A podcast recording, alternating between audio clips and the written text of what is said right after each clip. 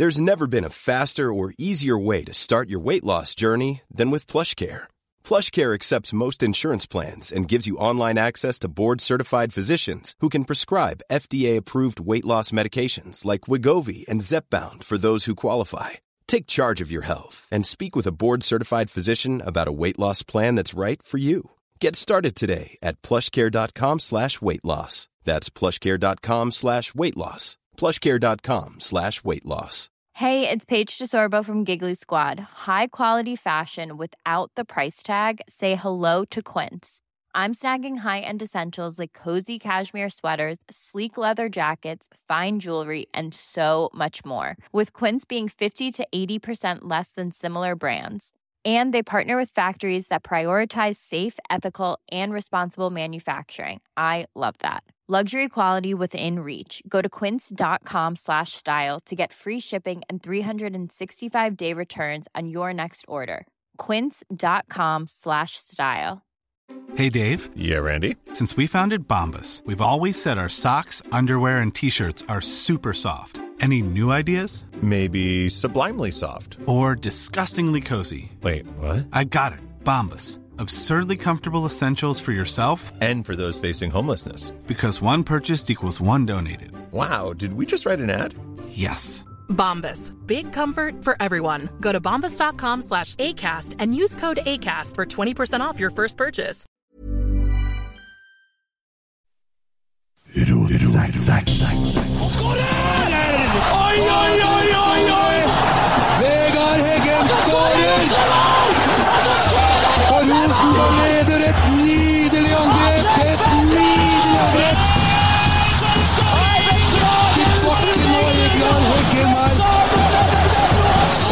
synet! Se det vakre synet!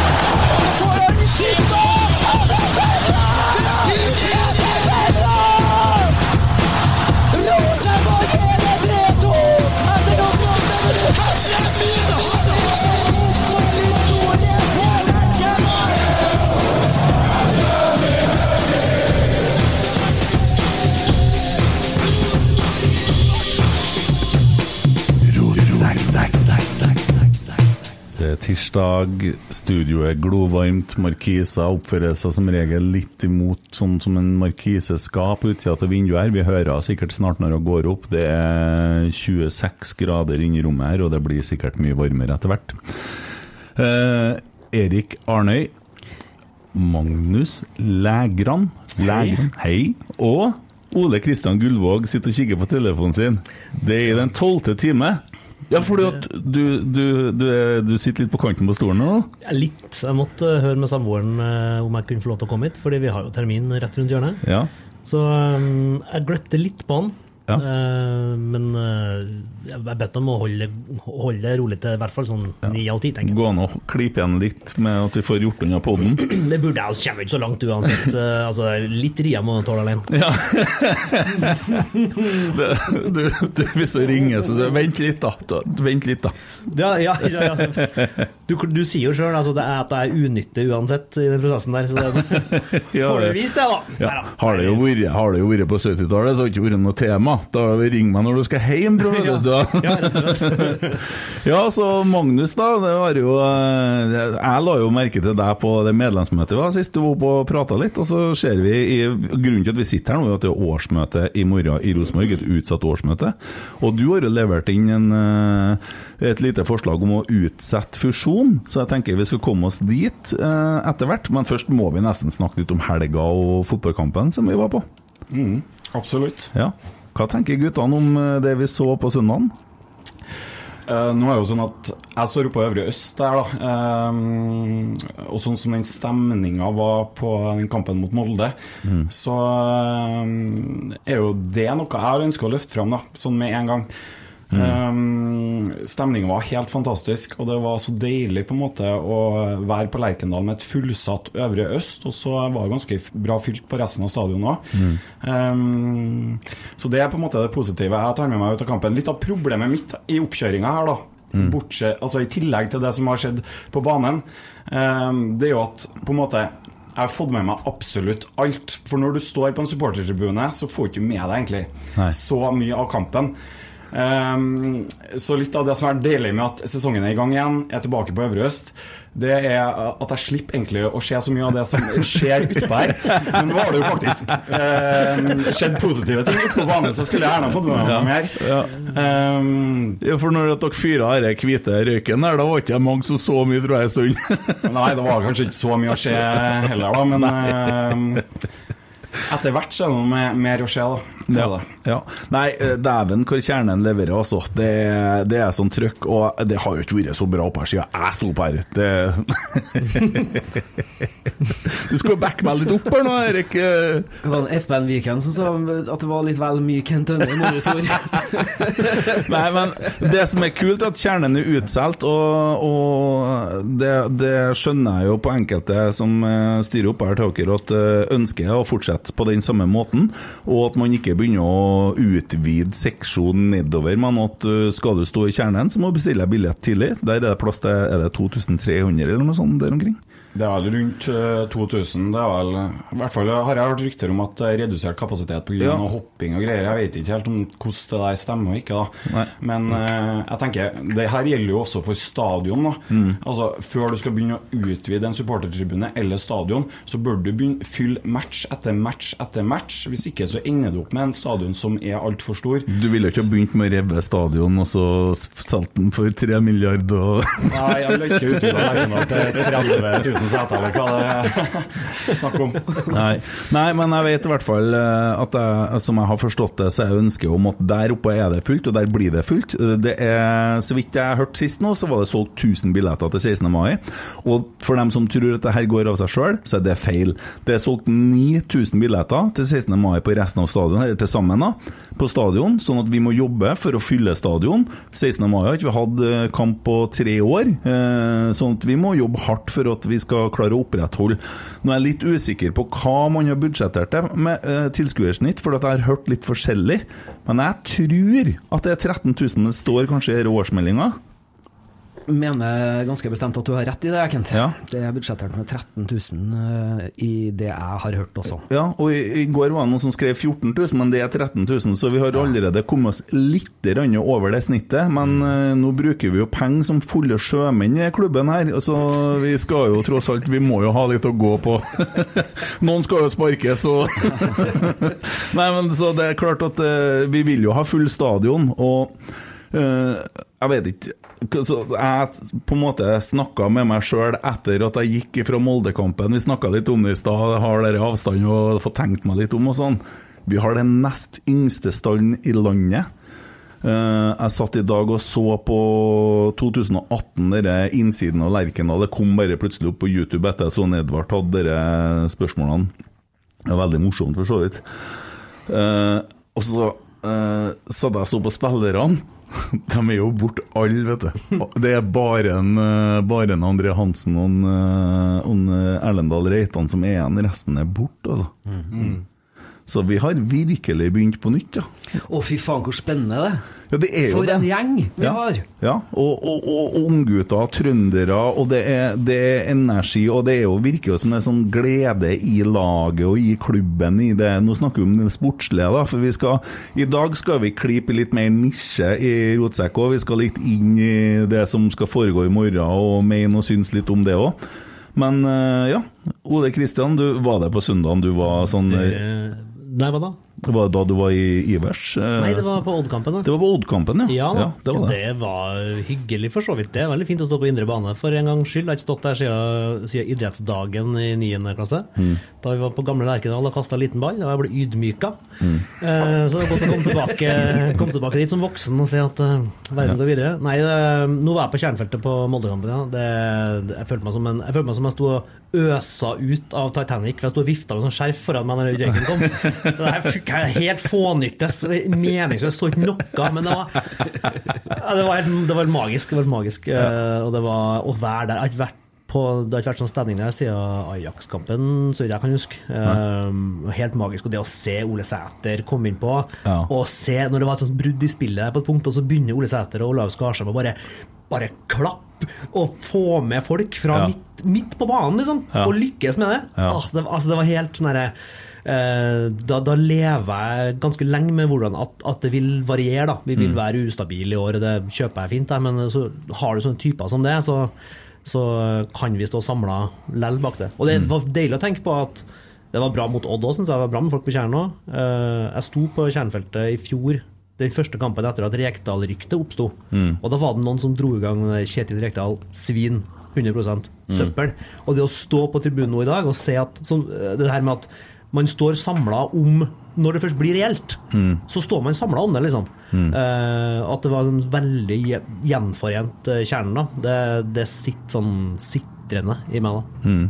Ja, det, det, det virker på meg som at det ikke er så veldig mange som har så mye negativt å si om en Kjetil med dem jeg snakker med. Eh, jeg har vel forstått det sånn, jeg kan jo name-droppe, for Trollprat de er ikke helt overbevist ennå, har jeg forstått, i den poden, og de har vel hatt litt sånn eh, Og det går vel på spill og litt sånne ting, men jeg syns jo det, det er jo fremdrift nå, hvis vi sammenligner med treningskampene, kan man jo nesten ikke snakke om, for det virker som at de har gitt fullstendig faen i treningskampene.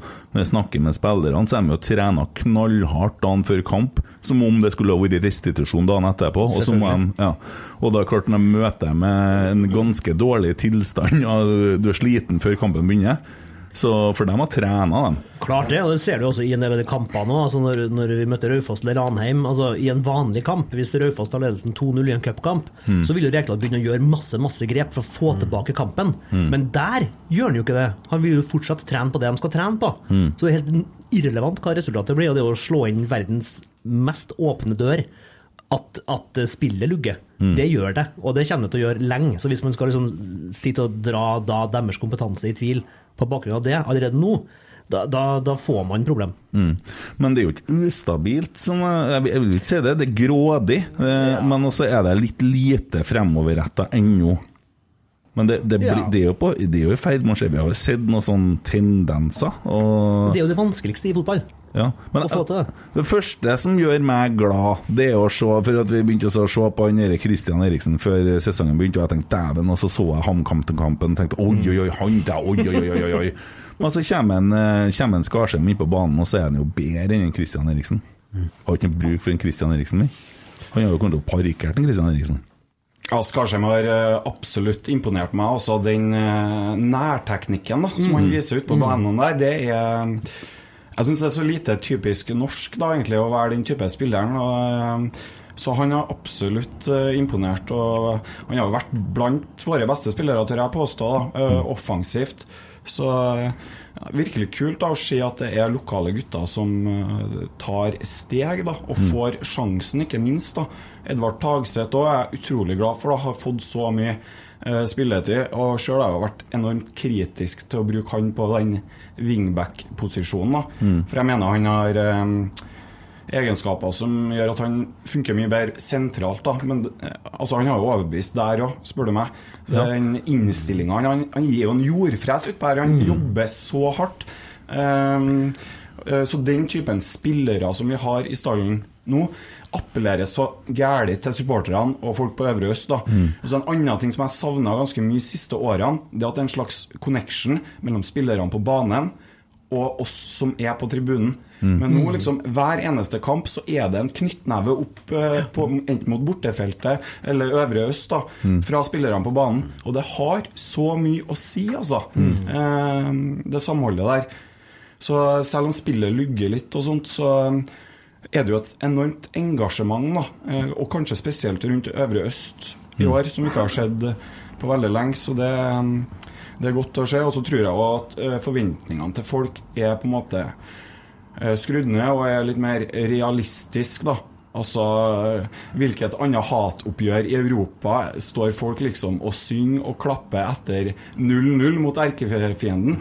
Det er jo egentlig helt snålt at det skjer, men folk er tålmodige, og så tror jeg folk at man ønsker bare å se at det skjer en utvikling, og at det kan skje sakte. Men så lenge man ser utvikling, så Og den syns jeg jo vi ser allerede nå, da. Ut ifra sånn som dere snakka om i sted. Nå, nå, de treningskampene kan vi jo nesten ikke snakke om, for da ble det jo ikke spilt på noe resultat. Da ble det spilt på å trene seg på de tingene de hadde bestemt seg for å trene seg på. Eh, men jeg syns jeg ser at det er en utvikling i det spillet vi har sett så langt. Og jeg syns også at jeg ser det som du påpeker der, at, at det ser ut som de trives på en litt annen måte, den spillergruppa som vi har nå, Mm. kontra det vi har hatt i noen år nå.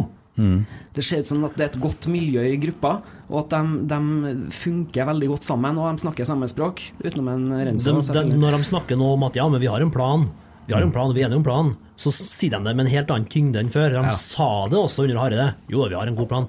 Men de sier jo nå at vi hadde egentlig ikke det.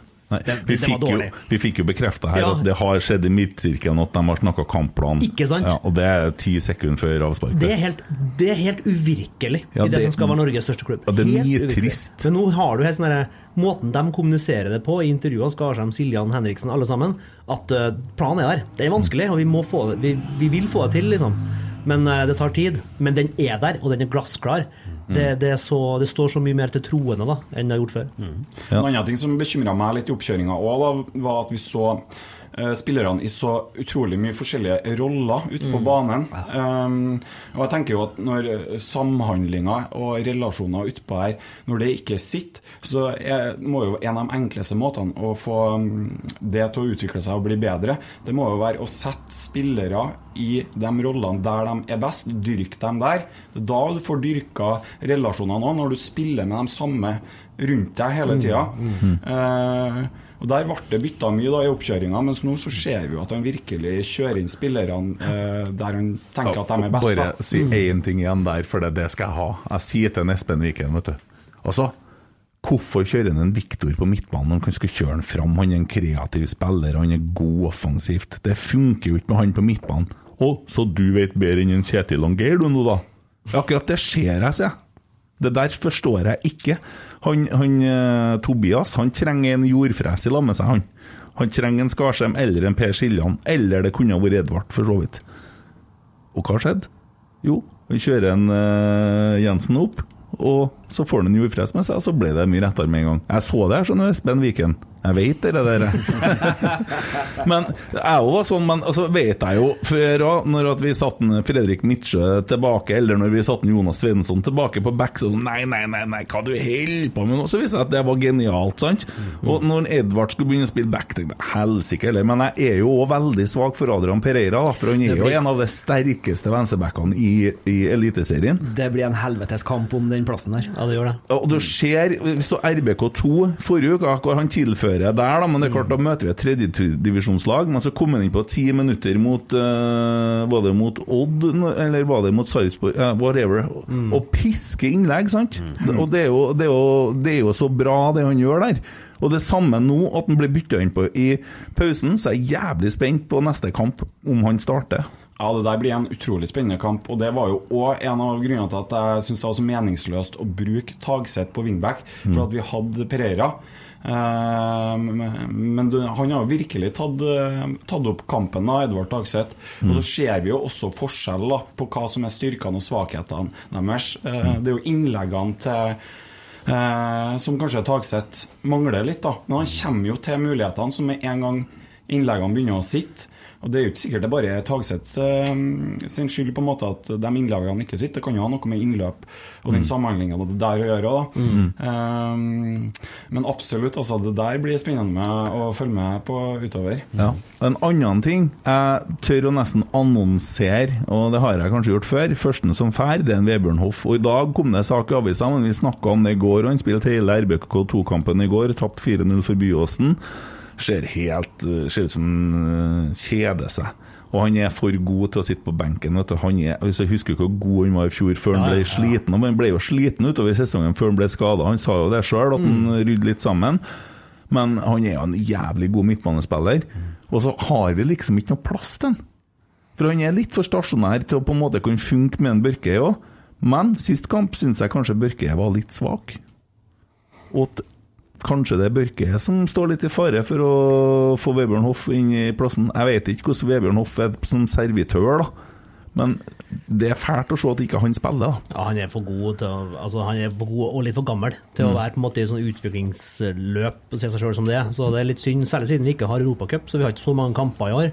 Det er nok trolig at han kanskje eh, Mm. går, altså, men synd, for han var den signeringa av han i fjor. Jeg, det måtte jeg liksom bare hylle, for det var litt sånn derre det var noe sånn glimtsk, da, hvis det går an å si det. Mm. Uh, I fjor så tenkte jeg det var, det var sånn, noe glimt over det. Signere en, en type som går inn og løser en, en funksjon i laget. Mm. Uh, I Hareide sitt lag, da, riktignok, men uh, men nei, jeg er helt enig med. Han er litt sånn til overs nå. Ja, og jeg ser ikke helt hvor vi skal sette den hen. Nei, ikke heller. og det- Men det, apropos det med Tagseth og Pereira, det jeg er spent, veldig spent på, er jo hvis Pereira faktisk tar den plassen. For det er noe med innleggene hans og den der råskapen i å komme seg forbi. Og han er også litt der om det er noe sånn gammel vikinggreie. Han har det der Tripic-aktige Han er en sånn drittsekk Mm. utpå der òg. hvis han tar den plassen, begynner da Rekdal å tenke at ja, men vi må finne Tagseth en plass et sted. Det er jeg litt redd for. Hva skjer da? For det, da, da begynner du plutselig med rokeringene, og så plutselig så har du fire vondfoter utpå der. Mm. Uh, det skal bli veldig veldig spennende å se. For Preira tror jeg heller ikke er interessert i å være backup-spiller i en hel sesong. Nei, det tror ikke jeg. Tror ikke han eh, altså, Hva du tror han får kjørt seg av det Stavanger-kompisene Ja, ja, sine? ja, Så lenge han for hver kamp han sitter på benken, så får han sikkert meldinger fra halve Vikingstallen, tenker jeg. Men han er for god til å sitte på benken. Men hva, det, Vi har jo et dilemma her, men det er jo deilige dilemmaer å ha, da, for vi har veldig sterke backuper. Mm. Og så, vi har også en Adam Andersson som er god, egentlig. Eh, Og han var gratis i fjor, altså. Mm. Men det er egentlig et spørsmål om hvor god leder er Kjetil Rekdal og Geir Frigård. fordi de kan kommunisere til spillerne såpass godt at de kan ha eh, Beholde den balansen ganske lang eh, tid. da. Det, det er mulig. Men Ja. hvis du kommuniserer veldig dårlig, som Åge Hareide eksempel gjorde, Mm. så surner det mye fortere. Jo, men da, og da blir jeg litt sånn lei meg når jeg leser Nidaros i dag, og Vebjørn Hoff sier at nei, jeg har ikke snakka med dem om dette ennå, men nå er jeg misfornøyd. Ja. Han har ikke fått noe sign... Altså, begynner å snakke i avisene. Slutt med det. Altså, han, Ole Sæter satt her for noen dager siden og snakka om at han på, når han er på trening, så spiller han med vest. Så spiller han for å gjøre det andre laget så god som mulig, og bidrar på den måten. Da bidrar han til å gjøre Rosenborg god. Og så fikk han komme inn mot Molde. Dæven. Og nesten skåra. Altså, det var, det var magisk å se ham. Ja. Han var, han, eh, jeg ble overraska over hvor svær han var.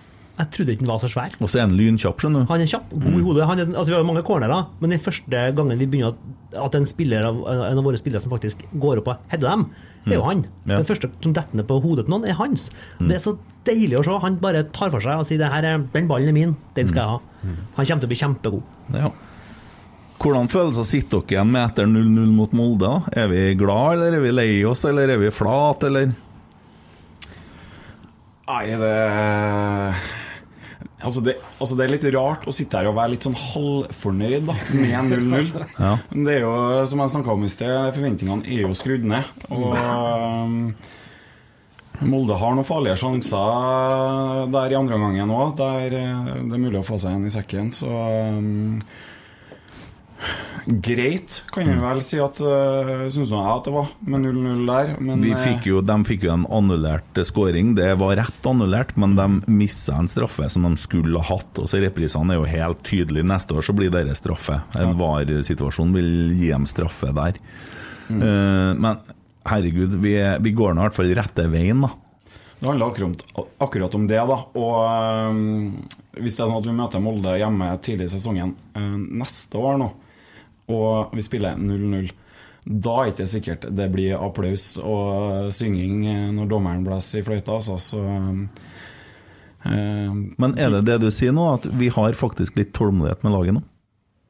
Ja, det virker jo som folk har tålmodighet, da. Mm. Um, 0-0 mot Molde på hjemmebane er jo på en måte Det er jo ikke noe vi skal være fornøyd med, egentlig. Men eh, det handler jo om den tida Kjetil Rekdal og Geir Frigård må få, da. Og mm. at vi er der vi er i sesongen. Mm. Så um, derfor er det kanskje greit, da. Og når du nevner det, til å snakke med dere om noe annet. Vi gikk jo før jul der, alle som en, og håpa at det kom en annen Kjetil til Rosenborg. Eh, Når vi har sett det vi har sett nå imot Roma, og når han står på TV-en og sier at hvis dere der blir karantene, så flirer jeg meg i hjel. De har håndtert ting så dårlig oppi der at det er til å flire seg i hjel av. Og hva er det de skrev for noe nå, da? Jo, de begynte å kreve at en Christian Gauseth skulle ha karantene, og at han burde få karantene, som har vært så slem med Bodø-Glimt i media og snakka ned han derre fantastiske uh, Ulrik. Hvordan har det vært for Kjetil Knutsen å komme i Rosenborg og møtt det sånn som en Kjetil har møtt, tror dere, med det trøkket og med det Alt koket som er rundt. Det er mye kok, da. Og det her er jo en vanlig hverdag hos det. Mm. Nei, det er spesielt eh, å se. Det var noen som skrev på Twitter at uh, ja, det var like greit, han hadde ikke tålt trykket. Nei, det kan godt være at det er rett, altså. Når han er sier ja, hvis det er sånn her det skal være, ja, da kan jeg finne meg noe annet å for det her Ja, orker ikke jeg, nei. Det var reaksjonen hans etter Roma. Det, det her går imot verdiene mine, så jeg kan godt finne på å begynne med noe annet. Jeg skal bli barnehagelærer i stedet. Det Det har, vært, det har vært så mye rart eh, med Glimt nå den siste tida. Jeg, jeg elsker det. Vi spilte inn én episode av Fotballklubben før sesongstart, og da sa jeg noe om at jeg bare føler på meg at nå kanskje det er ikke sikkert det er rett, men kanskje starter nedturen deres nå. Og hvis det er det, så skal jeg, altså skal gosse meg hele våren, hvis det viser seg å stemme. Mm. Og det som er så deilig nå, jeg, på vei hit så begynte jeg å høre på den der aft, nei, Nettavisen sin podkast. Mm. Første de snakker om, er Saltnes, det er håndteringa, det er Knutsen-intervjuet, det er det, det, det første de tar tak i. Piggtråd. Uh, ja, piggtråd. Alle de tingene her. Uh, og videoen som ikke, var, som ikke beviste noen ting i det hele tatt. Selv om jeg det er jo åpenbart hva som har skjedd der, Ja. men, men lell, liksom. Håndteringa er så til stryk, og det at alle sammen, nøytrale medier, tar tak i det, jeg, jeg elsker det. Eh, Ja. Måtte de Ja, fy faen. Mer av det. Ja, eh, Artig vikingfysioen som møter opp på trening dagen etterpå med kyrage, nakkekrage. De lager jo show nedi der. De er flinke, altså. De er steingode. Ja, jeg tror det er han, han godeste Kjartan Salvesen. Ja, som lager litt eh, Som er litt kreativ og som finner på litt ting. Jeg syns det er artig. De bjuder på, de fyller stadion. Og det Har sånn ikke du vært med på. Idol en gang for sånn lenge, lenge siden? Nei, Det var ikke Idol akkurat, men jeg har vært med på noe sånn TV-greier, ja. Kanskje du skal bli sånn uh, han, Bli han? Bli sånn. Jo, jeg gjør det jo i, i rotsekkform, da. Ja. Jeg har jo kommet noen teite sanger og har jo måttet stått litt uh, for ting, så Nei Det er grei, grei avstand, kanskje, å ha. Ja, jeg syns det funker bra, men eh, Nei, altså, jeg skjemmes ikke. Jeg hyller det Viking gjør, jeg hyller det Brann gjør. Det, det de holder på med nedi der. De er jo like mange som oss på stadion i Obos-ligaen, og de, de må spille uavgjort, men de gir ikke opp, liksom. Og så choker de foran eget publikum hver gang. Knut Høybråten, jeg spurte han, ja. Han fotballagenten. Veldig fin fyr, for så vidt. Eh, liksom, hvordan det her er Nei, men vi har jo aldri vunnet noen ting, så vi vet jo ikke noe annet. Så vi er jo bare glad, liksom. Så, så enkelt er det. nei da, eh, men jeg tror ikke det er noen betingelse at en skal være med på Idol for å klare å være kreativ i en fotballklubb. Nei, Eh, nei, ja. så, nei men, men Viking har gjort eh, alt eh, rett. Og dem er jo et eksempel på en sånn klubb som har hatt veldig godt av det nedrykket, tror jeg. Eh, fordi nå er det noe med forventninger nå. De spiller litt sånn drittsekkfotball. Eh, men jeg tror også det er lettere å akseptere det hvis du har på en måte vært nede og sett hvor ille det kan gå. mm. Men hvem var Eh, største drittsekken i helga? Var det Bodø-Glimt eller var det Viking, da? Nei, det er Glimt, ja. Ja. Ja, ja, ja. Ja. Ja, det syns jeg. Ja. Nå Du- så jeg ikke hele kampen, men, men jeg bare, det, jeg ser, det jeg ser er at ja, selvfølgelig spiller Viking tøft for å få dem ut av er men det skjer jo hver eneste uke. Det er måten å ta Bodø på. Det er Ja, å mos på dem. Og, det, og så, så eh, vet vi at Saltnes har sagt i Heia Fotball at han tåler ikke å bli snakka til under kamp. Han tåler, han, han, det, går, det kommer under huden på han. Så alle spillerne som hører på, snakk ned en Saltnes når dere spiller mot han. Sløng litt kommentarer, meld litt, gå med litt renting. Han knekker. Det har han fortalt sjøl. Det er veldig smart å gjøre. Altså det, det, er, det er tøft spill og det er kynisk, og sånne ting, men sånn er fotball. Er dommeren sin oppgave å ta tak i det. At han ikke ser det kneet i ryggen på Cabran, det er ikke så rart at han ikke ser. Eh, fordi Han skal jo bare ha øynene sine ett sted av gangen. Eh, så, men at han må ta tak i situasjonene som oppstår i spillet, det er jo opp til dommeren. da. Eh, Det er jo Glimt som forsvarer kneet i ryggen. Det jeg ser der uh, i den kampen, er jævlig god dømming på er det 1-0-målet. Når det er et veldig klart frispark, han gir fordel, og så blir det mål. mål. Ja, 2-0-mål, ja. Ja, 2-0, ja. Mm. Veldig bra dømt. Eh, og så virker det som dommeren hadde egentlig ganske god kontroll. Så får vi håpe at eh, det blir rapportert inn, ja, for det der. Og så eh, Kastrati, som satt i studio og ikke gjorde seg bort for en gangs skyld i helga, han, eh, han, eh, han fremsto til og med litt sånn småsmart eh, til tider, og det, da gjør Discovery en kjempejobb, må jeg si. Eh, men han fikk jo, fordi at han kalte noen soper, en karant fire kampers karantene. Men altså, dere, der, kneet i ryggen der, det er faktisk så farlig, det. For der kan en faen meg bryte av rygg, ryggvirvler på en person. Altså. Han kan jo invalidisere en mann med å gjøre det der. Ja. For du er ikke forberedt på det kneet når du ligger der heller. De snakka om, de om det på podkasten til Nettavisen, og sammenligna det litt med Bamba sin albue på Vangberg. Ja. Som jo er på en måte Ja, det ansiktet, så på en måte er det litt sånn grovere å se på. Men eh, akkurat som du sier, det er nerver og ryggrad. Og, altså, altså, det, er, det er verre, på en måte. Ja, det Så jeg tenker minst fire kamper. Ja, det syns jeg. Ja, Ja. absolutt. Livstid! faktisk. Nei da, men eh, Og Viking tror jeg er et mye bedre lag enn eh, enn Molde, som vi møtte i helga. Jeg tror faen meg Sarpsborg er et bedre lag enn Molde òg. Molde har virka særdeles svak så langt i år. eh, Så Derfor trodde jeg vi kom til å vinne i helga, men sånn ble det ikke. Men vi tåler en uavgjort nå. Vi må huske på det at vi har ikke tapt en kamp ennå i år. Nei, vi har ikke det. Vi har tatt med oss poeng så langt i alle matchene vi har spilt, og det syns jeg er sterkt. Ja, så handler det litt om å bygge eh, selvtillit gjennom opplevelser. Eh, glimt, glimt er en sånn særposisjon ut fra hvor gode de har vært de siste to årene, som gjør at eh, hvis du ser bort fra den, selv om vi kommer godt ut av den òg, men de siste tre kampene, ett innsluppet mål på tre kamper etter den forsesongen her, det er veldig selvtillitsbyggende, eh, som de tar med seg. Og så kan du bygge på fremover i banen litt etter litt etter litt, men det er superviktig Uh, å, å kjenne den tryggheten defensivt, som gjør at vi vil nok få se at André Hansen er litt raskere med ballen fremover. For han, han er opptatt av å bygge den tryggheten aller først. Det tror jeg vi er i ferd med å få til. Sooner we're going to get uh, Sam Rogers som Og hvem, hvem kommer han inn for? Uh, det blir spennende. For det er Eh, ingen som har spilt seg ut her. Nei, men han er jo, han er jo bedre enn uh, altså begge de toene på sidene uh, i forsvarslinja, så det blir Ja. nok Renzo eller eh, Pavle Bagic som ryker, ikke Henriksen. Det jeg savner fra Henriksen, er litt mer eh, ta med seg ballen, som vi snakka om. Mm. Uh, men det, det tror jeg kanskje blir lettere for han med Sam Rogers på banen, for han er litt mer Terminator eller John McClain, som jeg sammenligner med. Han er litt sånn amerikansk filmfyr. Mm. Stemmen til Morgan Freeman og sjøltillit som en amerikaner bare har. Jeg hadde jo en eh, Sam Rogers på besøk i eh, på Nils Arnes Ja. på søndagen. Det måtte se bra ut. Han er nå ca. én meter lenger enn jeg. Han er 1,93. Og så har han to oktaver under deg stemme. Ja. Det var hyggelig, det. Så, How is it to be hurt? ja, han er tilbake nå, han. han regna med at han skulle eh, være og se på banen i løpet av uka. Ja, couple of weeks. Sånn. Yeah. Couple of weeks. Nei, det, og det er jo en eh, spiller som uh, har virka strålende, som noen sier, eh, mens han spilte, og så ble han dessverre skada i en eh, fantastisk kamp mot Valer Raufoss. Jeg tror det. Ja vel, Ja, eh, så, men eh, soon he's back, og det blir veldig bra. Yes. eh, det var nå litt om det, og så klarte vi da å prestere å snakke litt om Bodø-Glimt, så noen har jo blitt fortvila over det, men det er jo ikke å unngå når det, at det har vært sånn som det har vært de siste to årene. Hva sa du? Like før jeg går, da, egentlig, når det er så mye prat om andre lag enn Rosenborg i en Rosenborg-pod, men jeg sitter og holder meg fast i stolen her for at jeg ikke skal gjøre det. Men der vant han igjen litt kred i kjernen. jeg må bare lite innspill her. Jeg må gå litt mot egne premisser med å snakke om andre lag. da Viking de virker sjarmerende nå. Det gjorde også Bodø-Glimt for et år siden. Mm.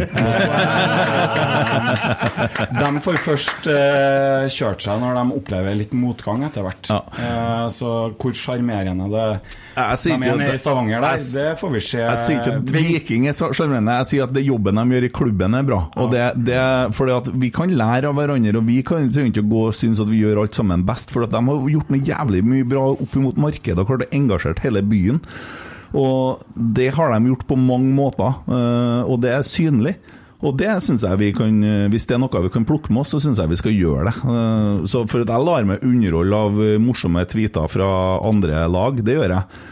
Odd prøvde seg jo på den her òg, når han eh, treneren satt og leste med telefonen. Og de klarte jo å få til en sånn greie med det. Det var jo et valg de hadde tatt, det var jo ikke han som var evneveik, men eh, ja, det ble noe sånn. En annen ting som er litt artig, som jeg kan nevne om Glimt, da, det er jo at Glimt av verden har jo vært ganske på oss. Og de har jo vært veldig høye og mørke. Men jeg så på mandagen, så skrev han at nå vurderer han å slette Twitter.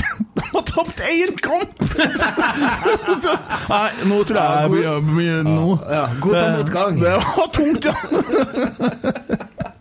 Ja ja. Det, nei, det skal god rygg til å være gode dager.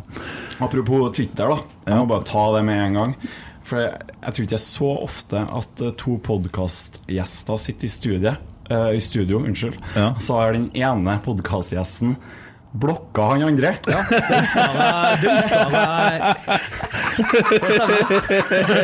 Sant? Ja, nå, nå skal vi passe på om vi skal åpne vinduet underveis. jo, men, jo, jo, men jeg kunne, da kunne jeg skyte inn litt, for at vi møtte jo deg på Først er det Emil Eide og snakker med deg på, på medlemsmøtet, så sier Emil til deg noe sånn Er det du som er han? Kan jeg si hva det heter på Twitter? Ja. Ja, det kan du. Ja, Bakenga 1917. Ja, men du er jo faen meg ganske trivelig fyr, du er drittsekk på Twitter, sier han. Og så kommer jeg ti minutter etterpå, jeg visste ikke at Emil hadde snakka med meg. Er det du som er han? Ja, men du virker jo grei. Du er ikke idiot, du.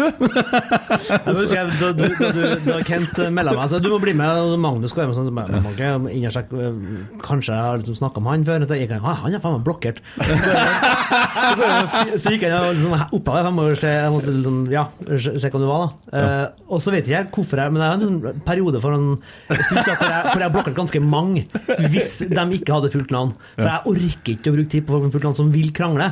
For da, det synes jeg sånn, «Åh, kom igjen da Men det det jeg kan se for meg, var at um, altså, Poenget er når du først blokker noen, så vet du jo ikke lenger hva de sier. Så du har ikke noe grunn til å på en måte avblokke. På en måte. Så jeg vet ikke hva det var som skjedde, men jeg er helt sikker Jeg husker jeg blokka sikkert en 10-15 stykker. Og jeg vil tro det var fordi jeg sjøl en gang for lenge siden skrev noe sånt her at jeg lurer på hvor ræva Rosenborg må gjøre det før det er mulig å si at det kanskje var en tabbe å spare Kåre 2018. For da fikk jeg sånn en enorm sånn flodbølge. Eh, for jeg mener det er verdt å diskutere. Det må være lov å diskutere. Ja. Uh, det betyr ikke at det var feil, men det bare det må å diskutere det. Da fikk jeg sånn her kjenne, «Å, vet du hva, jeg jeg orker ikke folk som ikke har fulgt noe nå. Jeg orker. Så jeg blokka sikkert en 10-15 stykker på én dag. Så det, men, uh, men det, det, det, det fortjente jeg. Ja, det, det, det er bra.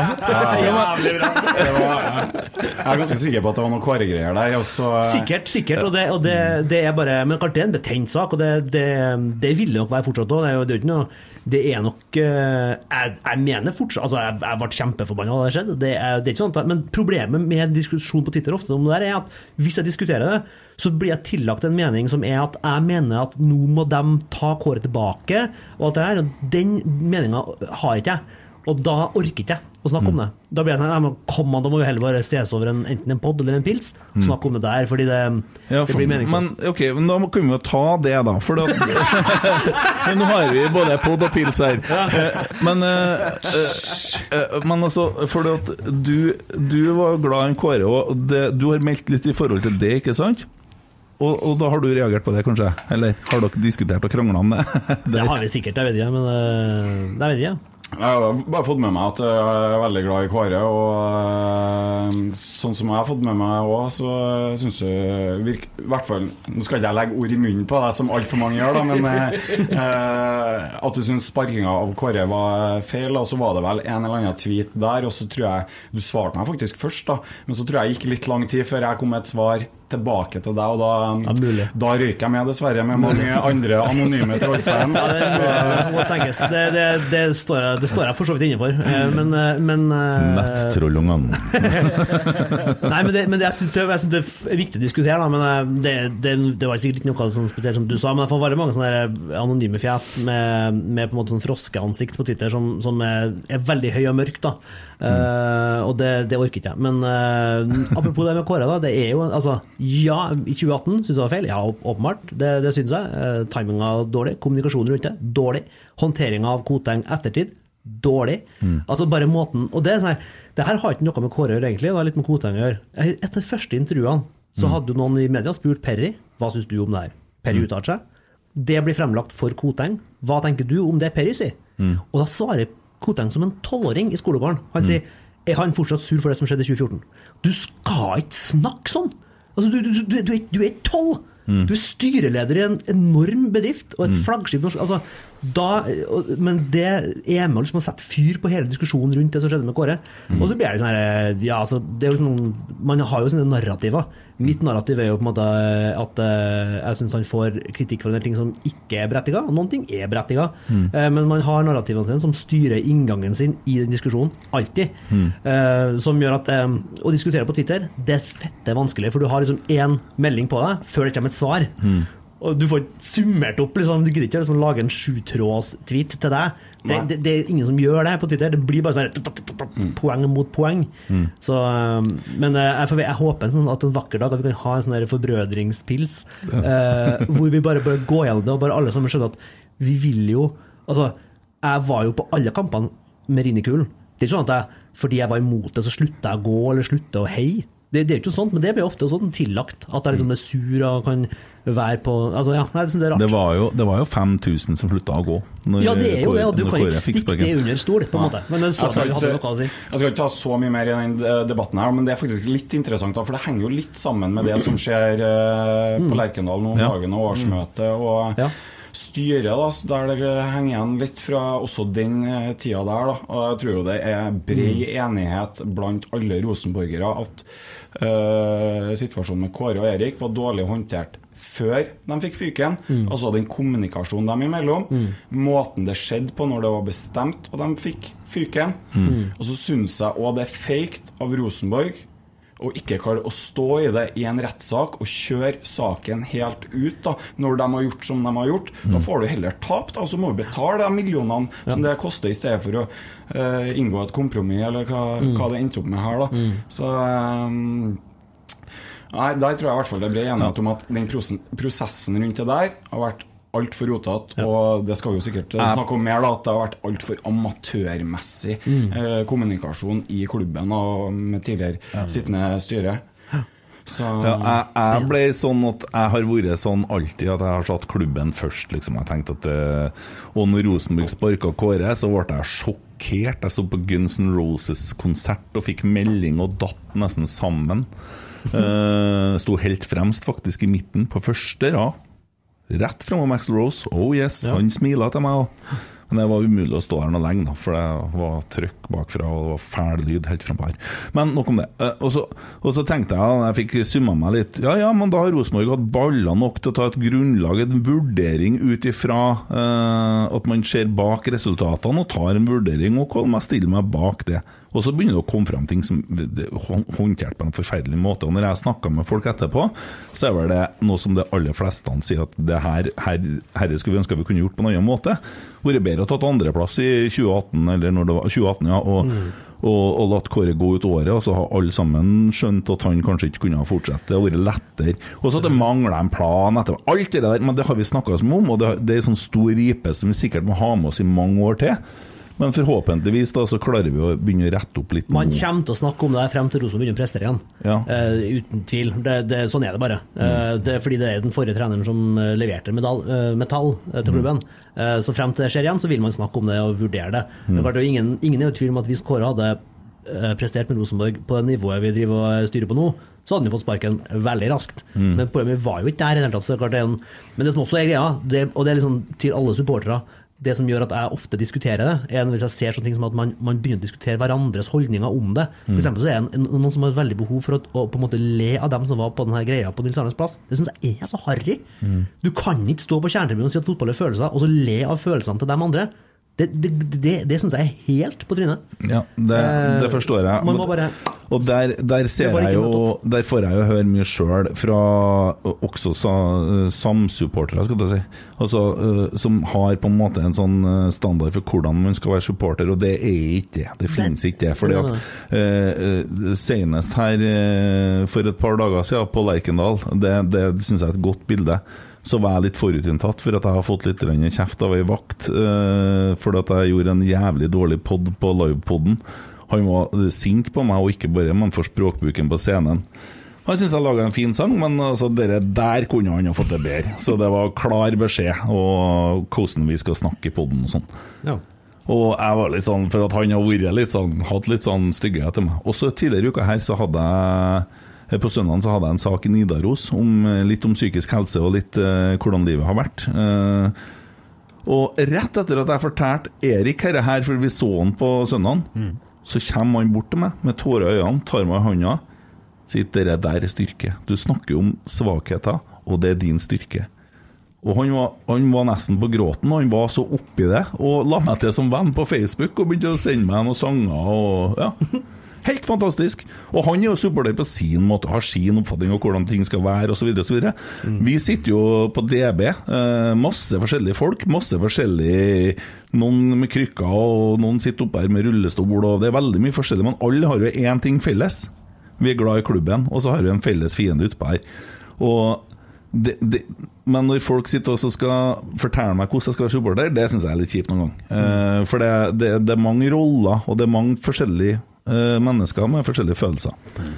Men klart eh, Vi må slutte å prøve å lære hverandre hvordan vi skal være glad i noen. For eh, vi er glad i klubben på forskjellige måter. Er det varmt nå?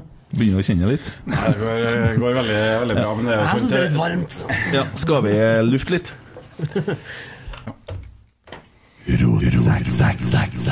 Da fikk vi lufta litt, og så har de fått slåss, de guttene, og tatt seg en pils og gitt hverandre en klem og blitt venner igjen og heva blokkeringa og Ja, er den heva? Den heva, ja. Det heva den i går, ja. Nå er bare lista på 250 andre igjen. Ja, jeg må gå, jeg må gå gjennom Og så må jeg gå gjennom som jeg ser har de skrevet noe fornuftig siste året. For, ja. Så nei, kanskje man skal swipe til høyre på Tinder i stedet. ja. Jeg har ordna en sånn Tinder-drill med en finger på. Okay. Så kjører jeg bare til høyre. Så det Ja. Ja, hvis du skal gjøre unna litt.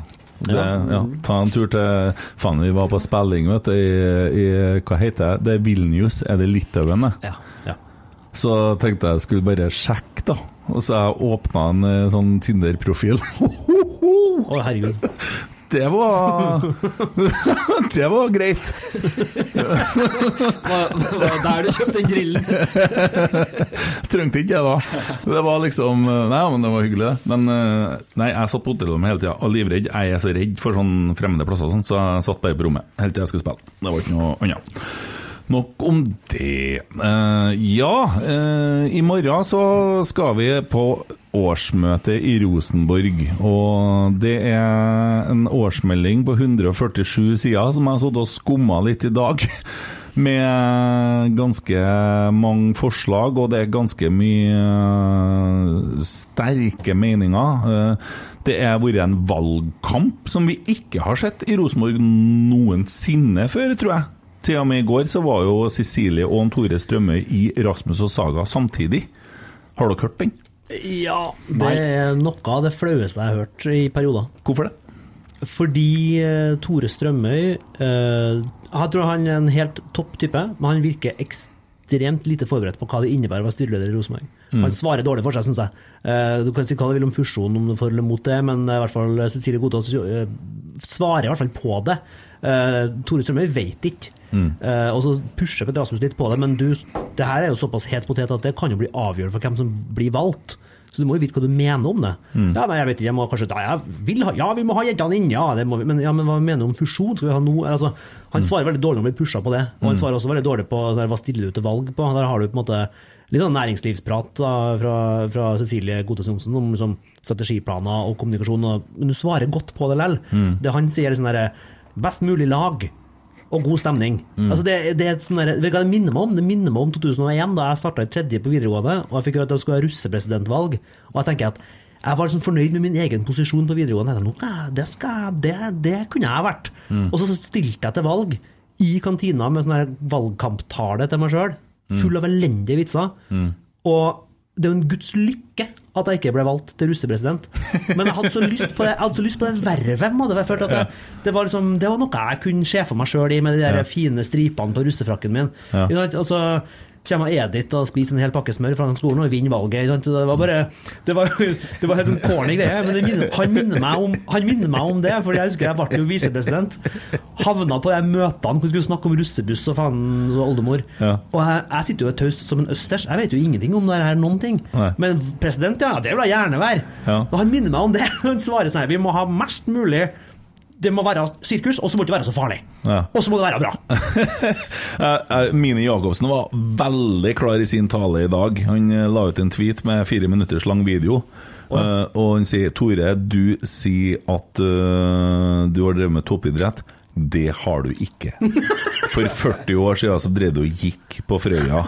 Eh, det er ikke toppidrett sammenligna med det som foregår i Rosenborg nå. Klar beskjed. Eh, og Men Tore har jo kjørt en hard kampanje og går ganske offensivt ut. eh, Og så eh, leser jeg i adressa at han eh, fremmer og rive Lerkendal, selger til tre millioner og bygger en ny stadion for én million. Og så sier han i Rasmus og sier nei da, nei, jeg skulle jo ikke det. Og så, men sa han for å få litt oppmerksomhet, da. Ja. Og er det jo noe vi har plagdes med i Rosenborg, så er det vel styreleder med behov for oppmerksomhet. Som slenger ut ting, ja. Ja. Ja, absolutt. Så, eh, med tanke på sånn økonomisk òg, så må vi jo klare å få en viss eh, bærekraft her. da At det kan ikke bare bygge en stadion på 30 000.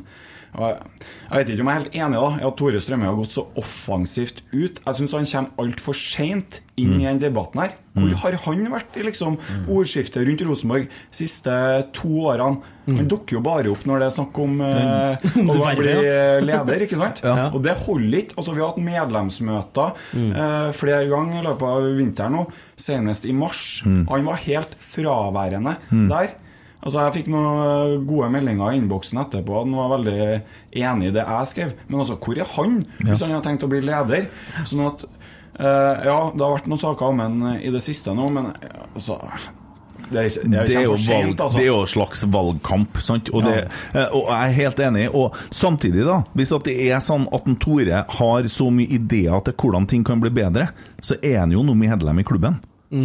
Og det er jo helt fint, for, for meg så virker det som at han har lyst på en rolle som en arrangementssjef, eller som en eh, publikumssjef, eller en som er med og bidrar på noe sånt. Og, så, og for all del, vi som holder på med rotsekk, vi har valgt å gjøre dette her som medlem av Rosenborg, på frivillig basis. Vi tjener ikke et rødt øre. Vi får noen ørtever av og til verbalt på Twitter. Det er betalinga. Rykter om at du får noe Inderøysoddspann. Det kan komme et innrømsvodsbånd, det kan komme det. Men altså, vi har ingenting for dette her, men vi gjør det fordi vi elsker klubben. Og hvis en Tore er glad i klubben, og ikke ble valgt til styreleder, så er det fortsatt mulighet for han å bidra hvis han har gode ideer til hva som kan være bedre, som medlem i Rosenborg. For det skal vel ikke være sånn at jeg gjør ikke noe hvis ikke jeg blir leder. For vi er en medlemsklubb, så hvis han har ideer, så er jo klubben åpen for dem. Det handler om troverdighet for hans del òg. Han må jo vise at han faktisk har lyst til å bli leder, og det syns ikke jeg han har vist da når han har vært så eh, fraværende. eh, bortsett fra siste måneden, da. Så eh, Spør du meg, da, så er det ikke noen lederkamp i Rosenborg. Vi har én seriøs kandidat, og det er hun Cecilie. Um, og jeg må si jeg var meget, meget skeptisk til hun òg. Jeg var nesten på nippet til å liksom tenke Tore Strømøy er en bedre idé, fordi at uh, Tore Strømøy han representerer ikke det sittende styret som har vært. Han kunne ha representert noe annet. Uh, Cecilie var jo i podden her, blant annet. eh, ja, det er jo en stund siden. Da syns jeg hun svarer dårlig for seg. Hun var oppe på Øvre Øst eh, og snakka med medlemmene av Kjernen. Der fikk jeg på en måte bare bekrefta inntrykket jeg fikk fra den episoden som var i Rotsekk her. Eh, men så kommer jo den eh, artikkelen i Adresseavisa der hun peker på samtlige problemer som har vært i klubben. Helt riktig. Og når hun gjør det, da, så viser at ok, jeg vet hva som vi kunne ha gjort bedre. Hun peker ikke på enkeltpersoner, hun, hun peker på et styre der, som hun er en del av. ikke sant? Hun peker på seg sjøl også. Det gir henne troverdighet. Og ja, jeg ble ordentlig, ordentlig glad av å lese det, den saken i Adressa. da. Så hun er definitivt min leder, altså. Rune Bratseth ble ikke så glad for den saken i adressa. og, og kanskje flere med, eh, som er i det sittende styret, som kanskje fikk seg noen ørtauer. Og vi hadde jo en diskusjon med Cecilie før vi satte i gang podden, fordi at nå sitter man i et styre, og så må man balansere hvordan man prater. Og jeg var litt redd, for det at jeg har inntrykk av at hun forsto mangel på kommunikasjon. Hun forsto avstand til medlemmene, og hun forsto dårlig struktur. Eh, Men du har sittet i et styre i ett år. Da, når hun var her, så var det kanskje nærmere litt over et halvt år. Og så skal du komme og begynne å skyte litt imot, så blir det en vanskelig balansegang. Og så er det klart at vi er jo ikke journalister og, og ville liksom òg eh, bare la folk bli kjent med hun. Så, så, og så skjer det som skjer i går, og før. Og Rune Bratseth trekker seg eh, fra styret. Uh, det er jo for så vidt greit. Han hadde ti måneder igjen. Uh, jeg har sterke følelser rundt det der, fordi at jeg er glad i en Rune Bratseth. Eh, han er for meg en hedersmann. Eh, han har sannsynligvis gjort noen dårlige valg, sammen med flere i styret, og så har det blitt en, eh, en mengde til han nå. En sum som kommer fra eh, skitkasting fra mange kanter. Og det er et frivillig verv. Og da får jeg litt de samme følelsene som vi er tilbake i 2018. For jeg liker ikke at folk går ut på, fra klubben på den måten her, når han kom tilbake fra Werder Bremen som en helt. Bidro på sterke det 90-tallet, var med opp gjennom 2000. Og så skjønner jeg at det er dårlige valg som er tatt. Og så skjønner jeg også, Men det er så langt ifra det til å dra folk etter hest på torget og tro de må drepe dem. Og det, det har blitt så nå, nå må folk stikke fingeren litt i jorda, så må vi puste litt, og så er det greit. Noen har gjort en dårlig jobb, og så skulle jeg ønske at han gikk ut tida si. Eller at han tok det på årsmøtet og sier at jeg tar altså, For nå blir jeg Cecilie hivd foran bussen. Nei, hun blir ikke det, altså, tror jeg. Jeg tror faktisk at hun vinner like mange stemmer på det her som hun taper, egentlig. Jeg tror egentlig hun vinner flere stemmer enn det hun taper. Og i motsetning til 2018 her, så da Altså, saken rundt Kåre og det der, det var jo noen andre enn Kåre sin feil, på en måte, at det ble håndtert som det her. Mm. Rune Bratseth har kun seg sjøl å takke, altså, i det som har skjedd nå. Og måten han svarer på i media etterpå, viser jo Han har jo ingen innsikt om hva det vil si å være en medlemsstyrt klubb. Nei, det Eh, skjønner, skjønner den delen her. Og det, det er greit. Jeg, jeg klarer ikke å tro at Rune har sagt det der. Er sant? Jeg tror, jeg, da begynner jeg å tenke faen, journalist som vrir det dit, for at han er da ikke sånn. Altså, så godtroende er jeg. Mm. Men jeg vil bare være det. Eh, For at jeg, altså, men jeg skjønner at det er til alles beste, det som skjer. Full forståelse for det. Og til noens store fortvilelse så liker jeg Rune Bratseth. Fordi at jeg har vært så heldig å blitt kjent med han, sittet her sammen med han og på hils med han. Jeg syns han er en fantastisk fin fyr. Og det er nok sikkert samme som en Ivar sa. Hvis det er beste til klubben nå at jeg går, så gjør jeg det, og så trekker jeg meg som styreleder. Og så ser det ut som at det er til det beste for klubben akkurat nå. Og så blir vi sånn Skal vi sitte og så Sånn, da, liksom. Og han har jo faen meg lagt ned ti år av livet sitt i Rosenborg, og så har han gjort det ut ifra de forutsetningene han har. Og så er det spørsmål Har han vært flink nok til å ta imot kritikk, har han vært god på kommunikasjon? Har han, altså, for at, kanskje skulle ikke styrelederne sitte mer enn i fire år. Og så er det umulig å sitte lenger. Kanskje skulle vi ha begynt med det? Ja, altså kritikken går jo Jeg, jeg håper ikke Rune Bratseth tar den, alt det Cecilie nevner og tenker at det handler om bare han. Det er jo en del av et styre, ikke sant, Mm. som der flere deler på ansvaret. Og jeg tenker jo en av grunnene til at styret har hatt liten troverdighet, og egentlig har det nå fram til årsmøtet, er jo at de ikke klarer å kommunisere det som er for dårlig i klubben. Altså Med en gang du sier hva som er dårlig, så kan du også gjøre noe med det. ikke sant? Men hvis du bare glatter unna alt, da blir folk irritert og sur, altså. Så det handler rett og slett om åpenhet her, da. Skal du ha troverdighet, så må du på en måte legge fram det som gjøres som er bra, men så må du også fortelle om hva som på en måte jobbes med som burde være bedre. da. Og Der håper jeg da at det nye styret vi får òg, kan være litt flinkere til å innrømme at feil. da, Rett og slett si OK, det her eh, var ikke bra nok. Eh, Det må vi gjøre noe med. Da aksepterer folk det, vet du. Og så får du noen år på deg til å fikse opp i det. Og så um, tror jeg at uh, det vil være en mye bedre måte å kommunisere med medlemmene på. Da. Og Det er jo litt av problemet med sittende styre nå. De klarer jo ikke å ta tempen på medlemmene og liksom vite hvor de har dem.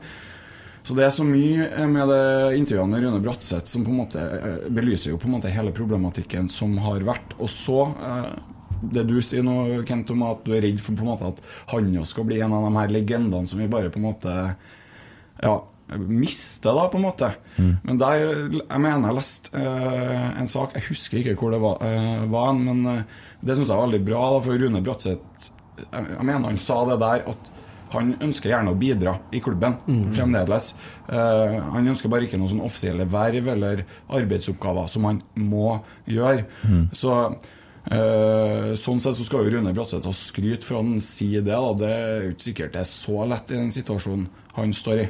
Um, og så tror jeg òg det var lurt for han- hans del og årsmøtet sin del at han trakk seg før årsmøtet. For det var et mistillitsforslag mot han der. Så det kunne hatt blitt enda styggere på en måte om Mm. man skulle ha venta til årsmøtet. da. Men eh, ja. Ja, jeg tror jeg veldig mange gode poenger. For det, det er nok, Jeg er helt enig med jeg skjønner altså, den følelsen av når, når legender på en måte blir altså Ikke bare 10 år, han har brukt sikkert 30 år av livet sitt på Rosenborg. Det Mm. skal man ha respekt for. Um, men eh, hvis det er sånn at Jeg tror på at det er sikkert tøft å, å sitte i styret, du får mye kritikk og sånne ting, men det, må, det er en del av det. Det må du bare tåle. Eh, Hvis det er sånn at det Cecilie Godtas Johnsen sa, er det som får deg til å på en måte OK, det var droppen, for det kommer litt fra over som det. eh, Da er det helt riktig at han trekker seg, for det hun sier er jo helt Helt betimelig. Det er langt innenfor, Ja, ja helt det- ikke bare, jeg når, når jeg så at han har gått av, dette, hva er det hun har sagt egentlig? For jeg hadde bare skumma intervjuet, når det går an å lese det ord for ord. Hun, hun sier jo egentlig ingenting som er Men, oppsiktsvekkende. men, men hun, tar jo, hun tar jo ballen, ikke mannen. Ja, ja, ja, Og det syns jeg vi alle sammen kanskje skal bli litt flinkere til. Ja, men- Ta ballen, ikke mannen. Jeg er enig i ting her også, bare Ja, så det er sagt. Ja, eh, men, og, men Rune sier en annen ting som vi var litt innpå i stad, og det er hvordan vi omtaler hverandre i sosiale medier. hvordan vi er på i sosiale medier, Og vi må ikke tro at folk ikke ser det, og det gjelder spillere nå. Og eh, den derre nedlatende holdninga som ganske mange, spesielt troll, da Uh, Nå sier ikke jeg at det er du, nei, men, uh, men også som har sånn bedreviterholdning, og som er stygg mot folk, så er det Det er ikke verdiene til Rosenborg. Det er ikke sånn vi skal være. Og så er det altså, jeg skjønner at ikke alle tror det, men jeg tror til og med at Ivar Kotteng har gjort ut ifra beste evne det beste for klubben, sånn som han ser det best. Ja, ja, ja. Mm. Det tror jeg òg, selv om jeg mener at han burde ha vært eh, Altså ikke vært styreleder på, på Det jeg mente lenge, da. Men, eh, og han liker bare om Kåre-saken i det hele tatt. Men, men, men, eh, det gjør jeg ikke. Men, men jeg, mener møtes, nå møtes vi på fansonen igjen. Vi har, vi har jo diskutert det der i det kjedsommelige med, med Kjenner vi navnet til noen andre styreledere i norske Ja, fotballklubber? knapt nok, ikke sant? Ja, det er en som begynner å stikke seg frem litt nå, da. Ja. Det, det, er- det jeg liker så godt med hun Cecilie, at hun, hun virker som en, en som, som ikke kommer til å ta mer plass enn det hun må, men være til stede når det kreves. Mm. Det virker veldig seriøst. Det tror jeg vi trenger. Eh, men jeg, bare sånn, apropos bare det, der med, det her med, med snakk til folk. Det er noe som irriterte meg i mange år? For å ta et sidespor. Mm. Det er, Nå kommer det en liten rettende pekefinger mot Trollpratpodkasten. Mm. Det er denne hestelyden hver gang Perry nevnes. Og vet du hvorfor? Mm. For du kan godt si at han Altså, det eneste den mannen har gjort, han fikk ikke til Rosenborg. Det er det eneste den mannen har gjort. Ja, men det er det eneste han har gjort. Men det er ganske mange som ikke har fått til Rosenborg. Mm. Uh, vi trenger ikke å dra hver gang navnet kommer opp, så skal vi dra den ned i søla. Fordi han har, uansett hvordan vi vender på det, så har han prøvd med hud og hår, Mm. røska opp familien sin, flytta hit, etablert seg, mislyktes, stått opp tidlig, lagt seg seint. Du trenger ikke å på en måte hver eneste gang noen sier Perry, så Perry! Og så, og så det, det, er, det er noe med måten de bare Også en gammel klubbspiller. En klubb, Mm. klubbmann. Mm. Uh, vi trenger ikke å gjøre det hver eneste gang. Nei. Bare fordi noen ikke lykkes i det sportslige. Fordi det er ikke bare treneren, og det er ikke bare styrelederen, det er ikke bare sportslig leder. Mm. Det er et samspill hver gang det lykkes, og når det ikke lykkes. Mm. Når var det han gikk igjen sist gangen? Når- 2014. 2014, Hva som tok over da? Kåre? Ja, ja men bare, bare for å nevne en ting.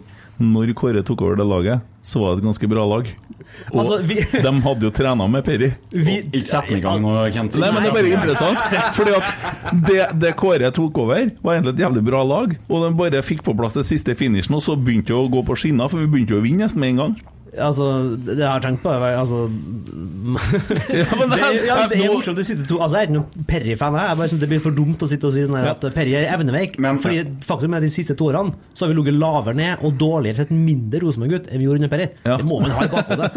Det- Jo, det er altså, interessant. det strålende, da, for men er Se liksom for, dere- se for dere det nå, at vi skal sitte og snakke likeens som Tore Reginussen om ti år. At han skjønte aldri at det går for å styre, og jævla idiot, og så, og så skal vi så, Vi kan ikke holde på sånn. Nei. absolutt ikke. Eh, Det er jeg helt eh, enig i. Vi kommer for øvrig til å få en telefon fra Trollprat etterpå for dem som vil ha tilbake podkastlengden sin, eh, så lenge som vi kommer til å sitte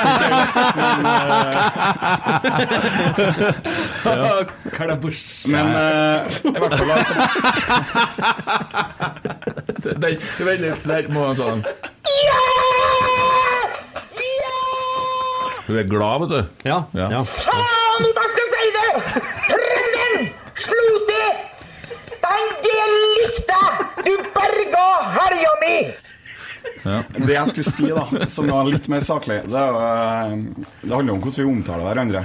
Der kan jo sikkert mange bli bedre. Også anonyme trollfans, da, som jeg har vært en del av frem til eh, siste uka. Vi åpna alt her. Altså, det er greit å stå bak Jeg mener jo at det er veldig greit å stå bak en anonym profil så lenge du på en måte er saklig, da, omtaler folk på en skikkelig måte. Um, det jeg syns er litt synd med Rune Bratseth-saken òg, det er jo at han på en måte drar fram ting som jeg trodde de hadde skværa opp og gjort opp om, da, når han nevner disse drapstruslene. Mm. Hvis det, Ja, han ja. dra, til eh, trollprat, syns jeg det er veldig eh, på en måte teit av han å dra fram det. Eh, Hvis de har sværa opp Han har jo ringt han Rune, og Mm. de har jo snakka. Så um, Jo, jeg bare ser for meg summen, jeg. Men det kan jo være at det er mer, da, Ja, for, det, ja, for det blir jo mye hakking, ja. sant? Ja. Og så er man jo der i et frivillig verv. Og eh, det blir jo det samme som Jeg hadde jo en sånn liten nedtur her for en stund tilbake, for jeg syns det var litt mye drit, da. Og laget tapte, og faen, nå skal vi holde på med det her, da. Så kom jeg med, og så skal folk sitte og mene ting om meg, og helvete, jeg sitter jo her og gjør det gratis, og kjøpte utstyr og alt mulig skit. I dag fikk ikke jeg være med ferdig på dugnaden, tenkte jeg. så noen fordeler er det. Men så skjønner jeg jo, og det er jo en brøkdel av det de sitter og får, og når de begynner å ta det inn over seg, så er det vanskelig å snu det. Det blir litt sånn, sånn som artist òg, ikke sant? Når du først får den jævelen på skuldra. Eh, Ja. Så, så, og det, så jeg skjønner, men OK, jeg håper bare at Rune fortsetter å komme på kamper, komme på treninger. og jeg har jo vært, så, så, For det slår meg hver gang jeg møter mennesker. Man er stort sett bare et håndtrykk unna å like dem. Og når jeg satt her sammen med han, så var jeg da veldig klar over alle trollene som skulle høre på den poden etterpå, og som hadde ønsker om at jeg skulle tyne den. Eh, Men jeg føler ikke at jeg er i posisjon til å sitte og dra folk og, og, og, og, være slem med dem i studio her. Det må journalistene gjøre i så fall, sant? Eh, Men så slår det meg hvor egentlig jævla fin fyr han er. Og så, og så er han klok, og så, og så blir jeg litt sånn begeistra over hvordan person han er. Og, og det er sånn det er når du møter folk som regel og kommer litt innpå dem, ikke sant? Og, og det må vi heller ikke glemme. Og så er det tilbake til det faglige, og så er det det det går på. Og ikke han som person. Og da må vi skille sak og person. Akkurat det. Ja. Det er det som er så viktig i en medlemsklubb som Rosenborg òg. Ja. Det er en kjempefin ting at vi er uenige og kan diskutere på en ordentlig måte. Men vi må kunne skille sak og person og unngå personangrep og uh, hetsing og den eh, biten der, da, uh, tenker jeg. Så Mm. diskusjon er bra, det, men må være på et eh, saklig plan. da. Og det, det ble et naturlig springbrett over til fusjon nå, egentlig. Fordi at det òg kan vi skille mellom sak og kjønn og person og ting og klubb osv. Uh, du har jo kommet med et innspill her. eh, Ja. Som er lagt inn som et forslag som går på å utsette fusjon. Og du fikk vel en avisartikkel på det òg? Ja, det var en liten uh, tur i adressa her. Har gått full kjendis, vet du. Fra anonym uh, Det røyk på 1917. Men eh, det finnes Altså, Kruppe, da? Du har ikke tenkt på det? Eh, Han forsvant plutselig. Ja, jeg skjønner ikke hva det har blitt av han, altså. Nei. Jeg vet ikke eh, Nei. Nei, eh, nei det, vi brukte jo, vi hadde jo til og med kruppehjørne, men Ja. siden ble det stilt, så det kom ikke noe mer. Eh, Det var jo artig. Vi hadde jo planlagt å lage nettrollhjørne, nettrollungene, og dra på ganske hardt, da. Men det ble liksom litt sånn, ja. Så mulig blokkeringsfunksjonen funker for flere, så Men eh, det er nå greit. Eh, Felles for oss alle er at vi elsker Rosenborg, og det er nummer én. Ja. Men litt lytterne er sikkert sugen på å vite litt hva som det du har sendt inn inneholder, og hva tankene dine rundt det er. Hvis, Ja. hvis du vil dele. Ja, det vil jeg jo gjerne. Eh, Jeg tenker Når man har et forslag ut for årsmøtet, så bør man også gjøre eh, en jobb da for å på en måte ja, Det handler om åpenhet, rett og slett. da, sånn at Hvis medlemmene skal kunne stemme for eller mot forslaget mitt, så må jeg også fortelle på en måte hva det inneholder. da. Jeg er jo ikke noe glad i å være i aviser og sånt, egentlig, men eh, det tenker jeg må da når jeg har det forslaget her. Og Det er jo egentlig ikke en utsetting av fusjonen her, da, fordi en eventuelt fusjonering det vil skje først første i første 2023. da. Eh, men jeg ønsker en utredning øh, av fusjon. og så at det blir stemt over på et eh, ekstraordinært eh, årsmøte. står vel i forslaget at det skal være i september, da, sånn at eh, hvis man da går for fusjon, så blir det første i første 2023, og ikke noe senere. Så det er ikke noe sånn utsettelse, da. Ikke. Så Og det forslaget òg, som jeg syns debatten har spora av litt av i forkant, av, i hvert fall dem som er forkjempere for fusjon, da har ofte blitt snakka om at fusjon på en måte er det eneste mulige måten å drive samarbeid på mellom Rosenborg og Rosenborg kvinner. Men det er det jo ikke. Altså, vi skal samarbeide. Rosenborg og Rosenborg kvinner skal samarbeide. Og så på en måte poenget mitt er er det best å fortsette å samarbeide sånn som vi gjør i dag, eller er det bedre uh, å fortsette samarbeidet ved en fusjon? Det er det jeg ønsker å finne ut av. Så det er ikke uh, en utredning om uh, for eller mot fusjon, fordeler og ulemper. Det er om det er mest hensiktsmessig å samarbeide ved fusjon, eller fortsette sånn som i dag, da. Så det er det egentlig forslaget mm, går ut på. Og så mm, bakgrunnen av tidligere årsmøtevedtak og sånt, altså er jo tilliten til styret den er litt svekka, må jeg si. da. At de tolker litt dit de vil. Så jeg har lagt ganske strenge føringer for hvordan den utredninga skal gjøres, da. Eh, med flere analyser, annet. Og, mm, sånn at eh, forslaget går jo på at det skal mm, være med en konsulent, da. Styret skal engasjere en konsulent som tar på en måte ansvaret for at denne utredninga skjer. Og det må da skje i samarbeid med folk både fra Rosenborg ballklubb, men også Rosenborg kvinner. da. Eh, så det er rett og slett forslaget. forslaget. Og så er jo todelt da, hvorfor jeg legger fram det her. Det ene handler om åpenheten.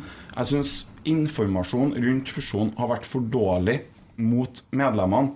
Um, det henvises til um, to medlemsmøter. Jeg var ikke på det ene, da, Men jeg synes, jeg vet ikke helt hva slags informasjon som ble gitt der. Men det var vel et uh, medlemsmøte i desember, tror jeg. Der det Jeg var- som- jeg var der. Ja, jeg vet ikke helt hva som ble sagt der. Vi trodde vi skulle på en workshop Ja. da, den gangen. Det var det jo ikke. Det var en, eh, var en kort slide om eh, planene. Og sånn og sånn skal vi gjøre det. Så var det veldig lite informativt. Mm. Eh, og så prøvde Ivar å forklare, og så tilte han Ingos. og så røyk de jo på i gangen. Eh, men Karen eh, Espelund måtte ta over for å forklare hva de hadde tenkt, og det var veldig, veldig skjørt. Det var pinlig. Ja, det var tynt, rett og slett. det var veldig tynn suppe, og så eh, skammelig egentlig å kalle inn til et medlemsmøte og ikke, ikke klare å komme med noe bedre enn det der. Det det, ja, jeg føler at uh, de kasta bort tida, egentlig, den kvelden. Rett og slett. Og så var det jo et nytt medlemsmøte nå i eh, slutten av mars, var det vel at det Ja, var. og da hadde vi workshop. Da hadde vi workshop. Det var et um, jeg syns det var et veldig godt medlemsmøte. da, egentlig Måten det var satt opp på, at man fikk mulighet til å både snakke med folk på bord og diskutere. Og der var det jo faktisk noe informasjon. Det må, det må vi jo si at det var. Både Ja. fra Rosenborg ballklubb, men også Rosenborg kvinner. Og Men- NFF. Og NFF. Men problemet mitt er jo det her med altså, troverdigheten. og altså, De klarer ikke å overbevise meg når de legger det fram på den måten de gjør det der. da Fordi at um, Jeg vil ikke bruke ordet propaganda, da. Nei, jeg gjorde det. Ja. jeg, jeg følte meg som at jeg kom til Russland, jeg, og Ja. at noen hadde en ensidig tale på kun én ting, og ordet 'toget går nå'. Nå går toget, vi, skal vi være med, så må vi gå på toget nå. Og da ble det noen som sier «Øh, her, toget går nå? De er jo allerede Rosenborg kvinner. Det er jo ikke sånn at hvis at vi ikke fusjonerer, det vil si Fusjonerer denne sammenhengen vil si dele organisasjonsnummer. Ja, for det, det, for at uh, på gata ikke sikkert skjønner hva det er vi holder på å rote med, for at de ser jo Rosenborg kvinner og ser på Facebook og skriver 'Å, Rosenborg vant mot Arna Bjørnar'. Det er styggeste fotballnavnene. Arnar Bjørnar I'm Sandra, and I'm just the professional your small business was looking for. But you didn't hire me because you didn't use LinkedIn jobs. LinkedIn has professionals you can't find anywhere else, including those who aren't actively looking for a new job but might be open to the perfect role, like me. In a given month, over 70% of LinkedIn users don't visit other leading job sites. So if you're not looking on LinkedIn, you'll miss out on great candidates like Sandra. Start hiring professionals like a professional. Post your free job on linkedin.com/people today. Hey, it's Paige DeSorbo from Giggly Squad. High quality fashion without the price tag. Say hello to Quince. I'm snagging high-end essentials like cozy cashmere sweaters, sleek leather jackets, fine jewelry, and so much more. With Quince being 50 to 80% less than similar brands.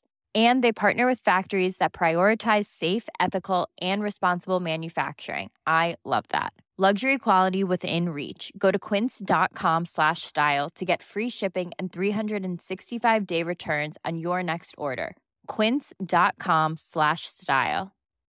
Since 2013, Bombas has donated over 100 million socks, underwear, and t shirts to those facing homelessness. If we counted those on air, this ad would last over 1,157 days. But if we counted the time it takes to make a donation possible, it would take just a few clicks. Because every time you make a purchase, Bombas donates an item to someone who needs it. Go to bombas.com slash ACAST and use code ACAST for 20% off your first purchase. That's bombas.com slash ACAST, code ACAST. Ja, kalle en klubb for det. Hæ? Det er nesten verre enn Sarpsborg 08. Det er marginalt bedre enn Amazon Grimstad. Ja, ja, det er jo noe. Ja. Men uh, det høres ut som noe ishockeygreier. Ja. Men også, også er det sånn at det er da snakk om å skal dele organisasjonsnummer. Sånn at uh, styrelederen i Rosenborg Kvinner kan bli med i styret i, i, i Rosenborg Herrer, og så at det her blir ett felles styre og ett organisasjonsnummer. For sånn som det fungerer i dag, så fungerer det jo.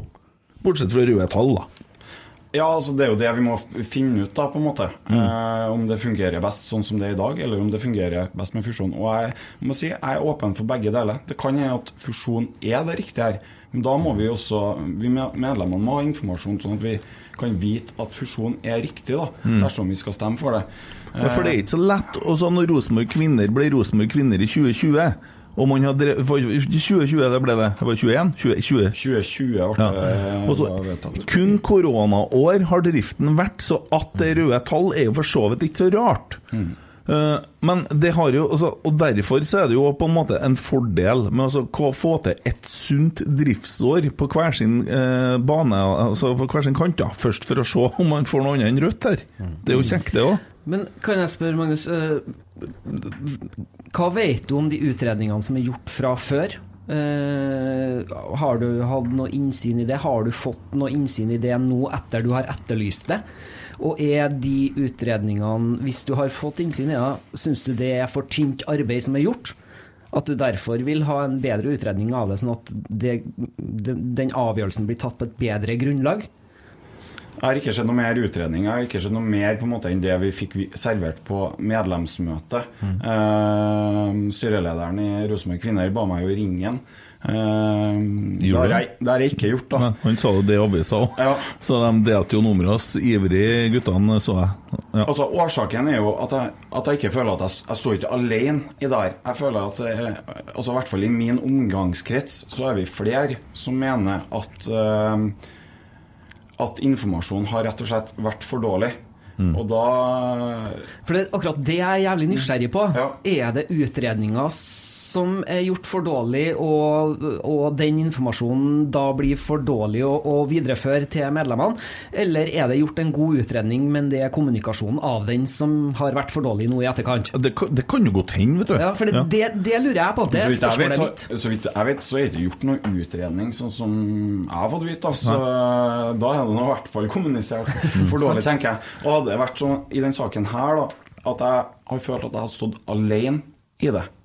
At det er som ikke At jeg er dum som ikke skjønner det her. Da hadde jeg kunnet ha ringt og så sagt uh, Forklar meg mer om det her. Jeg skjønner ikke. Men i og med at det er flere, og jeg tror det er ganske mange også, da, som føler på det samme, så er det jo Rosenborg som har gjort en for dårlig jobb. da. Og Det ene handler jo om, når styret legger det fram, det her på medlemsmøtet som er i mars så, ja, Du bruker ordet propaganda, Kent. Jeg, jeg er nære å bruke det, altså. Ja, ja, men jeg sier at det føltes nesten Ja. som å være i en sånn der, fordi at det var kun snakk om oppsida. Og, og eh, jeg sa det jo der, jeg ser det i, i årsplanen her. Mm. Fordi at jeg har eh, studert bedriftsøkonomi, og der lærte vi om SWOT-analyse, ikke sant? Strength, weakness, opportunities og threats. Det var ikke noe weakness og threats med i det hele tatt. Og det er jo ikke sånn at det kan kun være fordeler. Det må jo, Og hva kan farene være? Hva er farene her? Hvis at, hvis at de skal lønne damespillerne profesjonelt, da, så vil vel det si i hvert fall 18 spillere som skal opp grassat i lønn.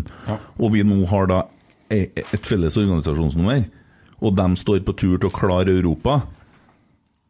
Da er det lett å finne ut at nei, Vebjørn Hoff han ryker til sommeren, for vi må ha pengene for at de skal ha lønn. Sant? Og så det, det, det skremmer meg jo i så fall.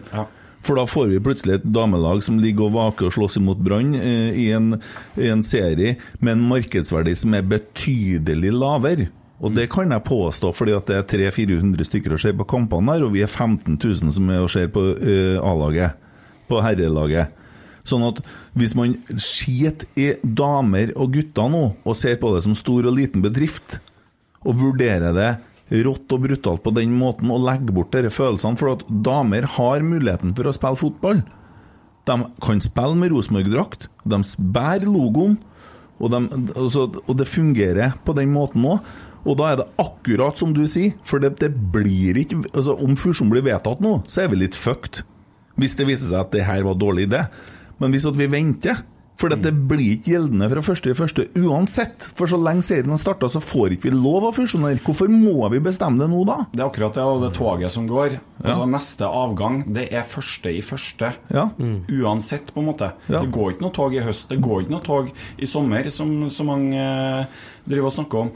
Sånn at før vi på en måte hopper på det toget, så er det jo greit å vite hvor skal det toget gå. Har vi nok drivstoff til at vi klarer å komme fram? Det har vi mulighet til Altså, å det her finne høres ut ut som det mest fornuftige forslaget jeg har hørt. Ja, og så kan vi drite i å gå og sette oss. Så driter vi å gå og sette oss i kupeen og sitte og vente i januar. Vi kan gjøre Ja, andre ting imens. Ja. Ja. Men uansett, da, altså, her viser jo uh, styret lite troverdighet. Altså, når de legger frem det her på medlemsmøtet, så syns jeg veldig mye av argument, argumentasjonen blir Altså Fusjon er eneste mulighet for samarbeid, på en måte. At enten er det fusjon og samarbeid, eller så skal vi fortsette uh, uten å samarbeide noe som helst, på en måte. Mm. Det er jo ingen som er enig. Alle mener, ser jo at det er hensiktsmessig Mm. at uh, de her to klubbene samarbeider. Så må vi finne ut om det er ved fusjon. Og så er det jo at det blir så ensidig lagt fram, da, på en måte. Jeg tenker jo at du må gjøre en grundig eh, analyse der du både legger frem det som er positivt, men også da det som kan være negativt med en fusjon. Og så må gjerne styret ha en mening, det skal de jo strengt tatt ha, men da må de argumentere for at oppsidene veier opp for nedsidene. Men når du ikke presenterer de her nedsidene, da mister du all troverdighet. da. Så derfor det forslaget mm, her, da Jeg kan jo gå inn sånn Jeg har, um, har jo en presentasjon her som er veldig sånn Ja, ja, ja. Du jobber jo som lærer til vanlig, ikke det? Ja, jeg er lærer, ja. Ja. Det må jeg bare si, da. Sånn, uh, hva en um, konsulent skal gjøre, og hva som er hensiktsmessig her, det er eh, langt utafor mitt fagfelt. Så her har jeg samarbeida med folk eh, som har mye bedre greie på det her enn meg, da. Eh, som har jobba som konsulenter, da. Og har erfaring fra det her. Men du har ikke spytta ut en mening bare her nå? Du har gjort et, et stykke arbeid? Ja, det har blitt gjort et stykke arbeid, og alt er gjort av meg. Da. Spesielt eh, den her, hvordan den analysen bør være, er gjort av folk som har bedre peiling. Mm. Det er jo, som du nevner, Kent, en SWOT-analyse av både Rosenborg ballklubb og Rosenborg kvinner. Eh, Det må analyseres. Og så hva er det klubbene kan tilføre hverandre? Hva kan Rosenborg kvinner tilføre Rosenborg ballklubb, og motsatt? Og så må vi finne ut klarer vi å tilføre det her til hverandre uh, uten at vi fusjonerer. Blir det veldig mye mer vanskelig å tilføre det her til hverandre uten fusjon?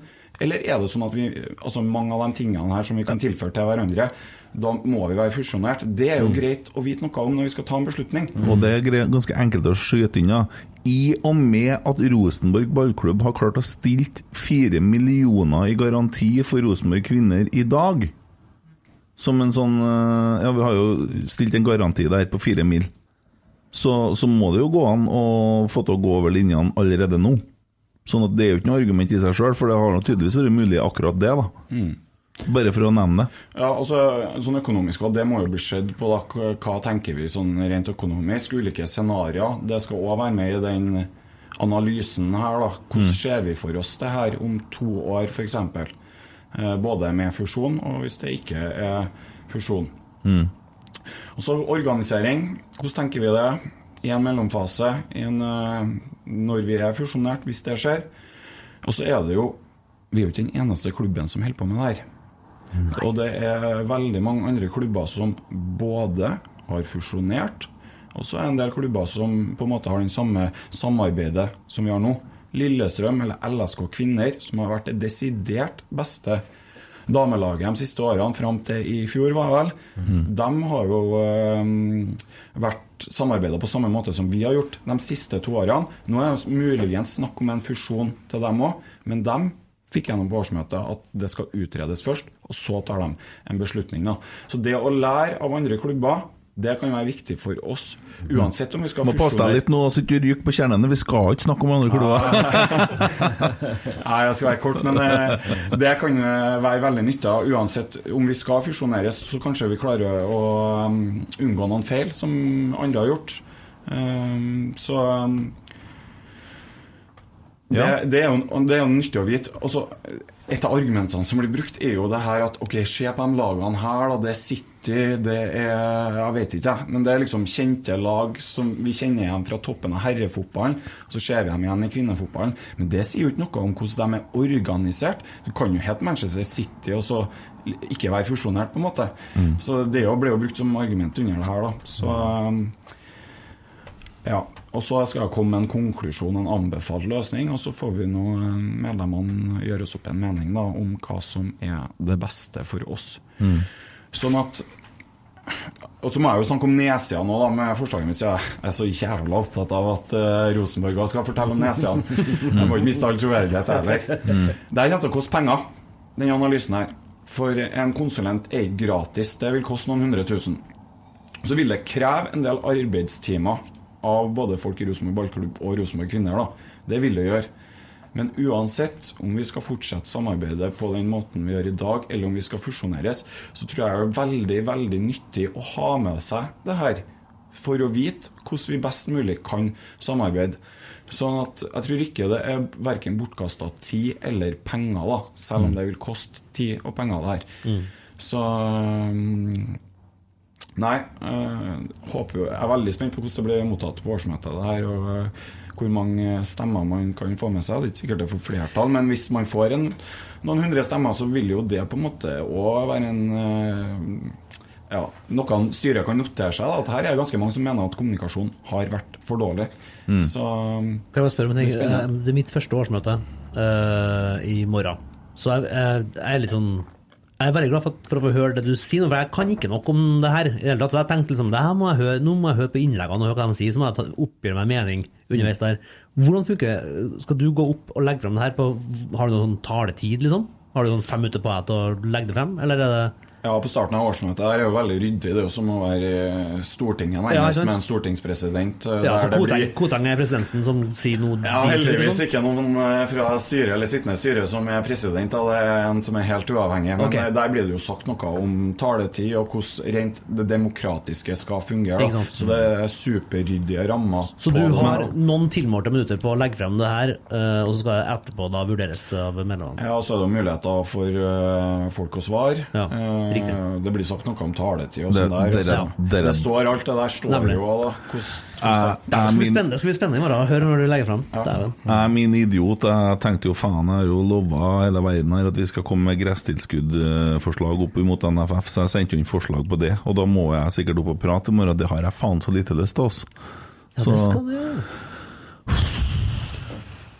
Ja, eh, det kjente jeg at dæven, det. uh, Men Du kom ikke på det nå? Nei, Nei. jeg kom på det for noen dager. Jeg har ikke, jeg har ikke forberedt noen ting. Saken står jo der ganske greit, så det er bare å Ja. lese det rett opp. da Jeg vet ikke om jeg må opp eller hvis det står jo ganske greit der. Jeg tror ikke du må opp, da, men det, Nei. det kan jo være altså, Som Tore Strømme ikke har fått med seg, det er jo lurt også å være litt synlig hvis man har, vil ha gjennomslag for det. Men Ja. man, man trenger ikke Saken min er så god at den må da faen meg få gjennomslag. At vi skal sende inn en søknad. Ja, at vi jeg skal tror du har ganske bra støtte, i hvert fall i enkelte medlemsgrupper. Det. Men eh, altså, det her òg handler jo om det med demokrati. Altså Folk som skal stemme og har stemmerett, De har, det er ikke noe kunnskapsprøve du må ta liksom for å ha stemmerett. Nei. Uansett mye, om du sitter på mye kunnskap eller lite kunnskap, så veier stemmen din like tungt. da. Mm. Sånn at eh, det på en måte å gjøre ting forståelig for hvermannsen, det er jo kjempeviktig. Så at eh, det innlegget ditt trenger jo ikke å være superavansert eller eh, langt for at eh, eh, folk skal være med. Det Mm. viktigste er at folk forstår hva det her handler om. Ja. Nei, personlig Det som bekymrer meg mest, er at jeg har lova Odd Rune Volden å komme i NRK Radio på tidlig torsdagsmorgen og skal synge! Og du vet at det her årsmøtet her kan jo gå langt utover en fødsel, så det, det, det kan jo bli fryktelig seint i morgen. Og det er jo en, faktisk et, eh, en greie som folk bør være klar over, at det, for dem som hører denne poden før årsmøtet nå, Mm. vær innstilt på at det kan ta litt tid. Og dessverre så har det vært en del valg som har blitt avgjort på at folk har dratt hjem. Ja, det påvirker absolutt. Hvis du syns en trollpratepisode er lang, så kan du bare vente til årsmøtet, for det er trollprat ganger tre, liksom. Så Men ikke så negativt, kanskje. Nei. Ta med matpakke, da, kanskje? Må man det? Nei, vi får da vel, får da vel noe mat sikkert eh, underveis. Kanskje det ligger en uh, pølsebrød i gangen der. Det var ikke vanskelig å få det? Jeg vet ikke. Jo, det, det var veldig vanskelig. Veldig vanskelig. Sånn sett er det jo bra da, at enkelte saker på en måte øh, Gresstilskuddet, er det går gjennom. Altså, ærlig talt. Og- så det er jo bare for at jeg vil at Rosenborg skal fremme overfor NFF at, vi skal, at de bør begynne med et gresstilskudd til klubber som driver med gress. Og det har jo han Ståle Ro, hater Rosenborg Solbakken vært veldig på øh, i media, og det sier seg jo sjøl at det, det der er jo en sak som vi bør fremme. Sånn at vi hjelper andre klubber som spiller på plast, til å begynne å spille på gress. Det er jo en veldig enkel sak å forstå for medlemmene. Ja. så det- Det er noe, det er jo ikke noe som Rosenborg taper noe på, eventuelt noe vi tjener på, faktisk. Får noen kroner. Og Anders har også sagt at han er villig til å dele kunnskapen sin til andre eh, klubber som eh, driver og roter seg bort på plastikk, da. Men eh, godt eh, fremlagt. eh, Ja, jeg fikk eh, litt mer innblikk i, i hva det er du presenterer, og hva forslaget går ut på. Eh, veldig, veldig bra. Ja, Hele forslaget ser man jo i den årsmeldinga, og der er også det vedlegget om hvordan den presentasjonen skal være, hvis man er interessert i å se på, på det. da Så det Så i, i, når det første jeg hører deg legge frem det, så tenker jeg det er en rar ting å si nei til. Ja. Nei til utredning Nei til info. Nei, men det vet Nei at til utredning, men Vi- det, ja. Du hadde ikke fått meg her hvis du hadde ja. blokkert den, for å si det sånn.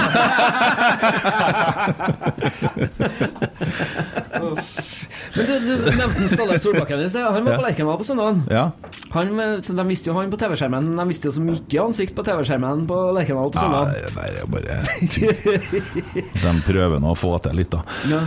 Ja, eh, men jeg skulle si noe i forhold til årsmøtet. Det er en eh, par ting som er viktig å få med seg, og det er go plenum. Du har fått en tekstmelding, og hvis ikke du har fått den tekstmeldinga om hvordan dette fungerer, så må du kontakte Rosenborg, for jeg tror det er litt seint å komme på møte i morgen, for det skal stemmes på go plenum. Det er sendt en video ut på hvordan den fungerer, en opplæringsvideo på 34 minutter, men det går godt å spørre over en del ting hvis du skal møte opp fysisk, for det inneholder en del om hvordan det fungerer på nett. Eh, Og der har du fått en unik kode som du skal bruke på innlogginga di, og får da laga et eget passord, og så har du muligheten da til å stemme på den, og det der er veldig greit å ha klart for seg før møtet. Den der årsberetninga den er fryktelig lang, da, så skjønner at ikke alle sammen leser den. Eh, Det, det var ikke alt som var like enkelt å lese heller, egentlig, kjente jeg. Eh, Jeg måtte legge meg litt nedpå etterpå. Men eh, ja, det er noe Og det er i hvert fall lurt å sjekke ut det Go Plenum-greiene. Og du skal ha fått en SMS på telefonen din når du er registrert medlem for å være stemmeberettiga. Det der er viktig.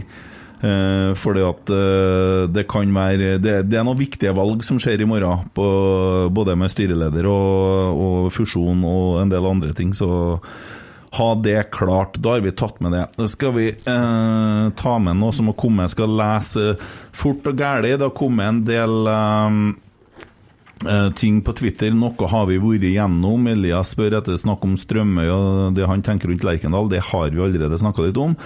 Christer Nesse, vet du. Han eh, spør om tanker rundt kontrollkomiteens beretning. Er det OK at de for første gang kommenterer inngående, innkommende forslag? Er det riktig at kontrollkomiteens leder innstilles til nye verv? Det er jo litt komplisert, og det er jo litt eh, todelt, da, kan man jo si. Jeg reagerte på at det sto liksom For at jeg har jo sendt inn noen forslag, og det har noen Erik Arsvold gjort, og flere, så står det sånn kommentarer i årsberetninga på forslagene som vi har sendt inn, liksom der de vurderer verdien av de meningene vi har. Jeg har vært overraska sjøl over at kontrollkomiteen skal ha noe å si på en måte på de innkomne forslagene. Eh, Styret har nå sin innstilling til de forskjellige sakene, men at eh, kontrollkomiteen skal legge seg borti det, det, det visste ikke jeg var i deres eh, arbeidsbeskrivelser. Jeg ser nå at de har referert et eller annet i starten her, at eh, det tydeligvis er innenfor deres eh, arbeidsoppgaver, men jeg reagerte på, på det samme sjøl. Ja.